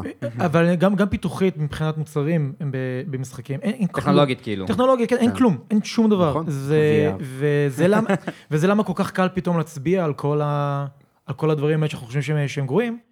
אה, אני חושב שיהיה יותר הכרזות, אני חושב שיהיה... אה, אני חושב שאנחנו נראה מסוני איזשהו סוג של פסיעה לכיוון אה, ניידות, שוב, שהם ינסו לעשות, איזושהי קונסולה ניידת, אה, או איזשהו כן, כמו הייבריד. שהיה את הפטנט הזה שהם רשמו, וכולם חשבו שזה איזה memory card לזה, ואז היה איזה רובוט מטומטם שהם הוציאו לילדים. אני חושב- אני שאנחנו לא נראה גדילה של VR, האמת, אה, מה שאתה אמרת. אני חושב ש-VR, אה, הם צריכים, בוא נגיד את זה ככה, כדי ש-VR, אם יהיה משהו של VR, זה יהיה כאילו את הצד הבא של VR. הם לא יכולים לעשות, לעשות. לא, לא, זהו, זהו, זה לא מספיק, זה לא good לא enough. מספיק? אוקיי. לעשות סתם איזשהו משקף שלא עושה לך טשטושים, not good enough. צריך לעשות משהו יותר נייד נגיד, או משהו שהוא יותר אה, בלי חוטים שיוצאים ממך למקומות, או דברים הטכנולוגיה כאלה. עדיין לא שם. זה מה שאני אומר. אה, אז אני לא חושב שיהיה את הדברים האלה. אני כן חושב שמבחינת התעשייה מבחינת משחקים ודברים האלה, אתם כן תראו ב-2019 יותר דברים, נקרא לזה מרגשים, כי אנחנו, זהו, אנחנו כבר סיימנו טכנית את הדור הזה, מבחינת דברים שאפשר לחדש ולהראות לנו ולהלהיב אותנו בו. אה, מה, אתה אומר כאילו Last of Us 2, אבל מה זה באמת אומר? הוא יהיה באותו. גרפיקה נכון, של נכון, Last of Us אתה לגמרי 1. צודק. צודק, טכנולוגית וזה אין פה. זה מ- נטו ערך סנטימנטלי וסיפור ודמויות. בדיוק, כאילו. אז מה שנשאר זה פשוט להגיע, ל- לעבור ל- לשלב הבא, כי כל- כן. לא מה שתראו דברים יוצאים, אבל הכרזות. או דברים כן. כאלה, אני חושב שזאת תהיה השנה שיתחילו את All- ה... אתה אומר אה, All aboard the hype train. כן, זה זה הולך לקרות השנה לדעתי. אוקיי. נהדר, אז אה, תודה רבה לכם, באמת, אה, תודה. אבי, תודה לכם. עמית. אה, היה ממש כיף לארח אתכם. אה, ולכל המאזינים, תודה רבה שהצטרפתם אלינו לעוד פרק של אפרסמון דיגיטלי, אנחנו ממש מקווים שנהנתם. אה, ואם יש לכם מה להגיד על אה, כל מה שדובר פה בפרק, אה, אתם ממש מוזמנים לכתוב בתגובות, או אפילו ליצור איתנו קשר ולשלוח לנו שאלות. אה, ובכללי, אם יש לכם מישהו שאתם רוצים לארח, שנארח פה, נושא שאתם רוצים לדבר עליו, תיצרו איתנו קשר, תפנו אלינו. כן, ו- בתגובות, אה, או בעמוד של הפודקאסט, בתגובות לפוסט הזה, אתם אה, מוזמנים. ונתראה בפרק הבא. תהיה לכולם שנה נהדרת ו-2019 מוצלחת.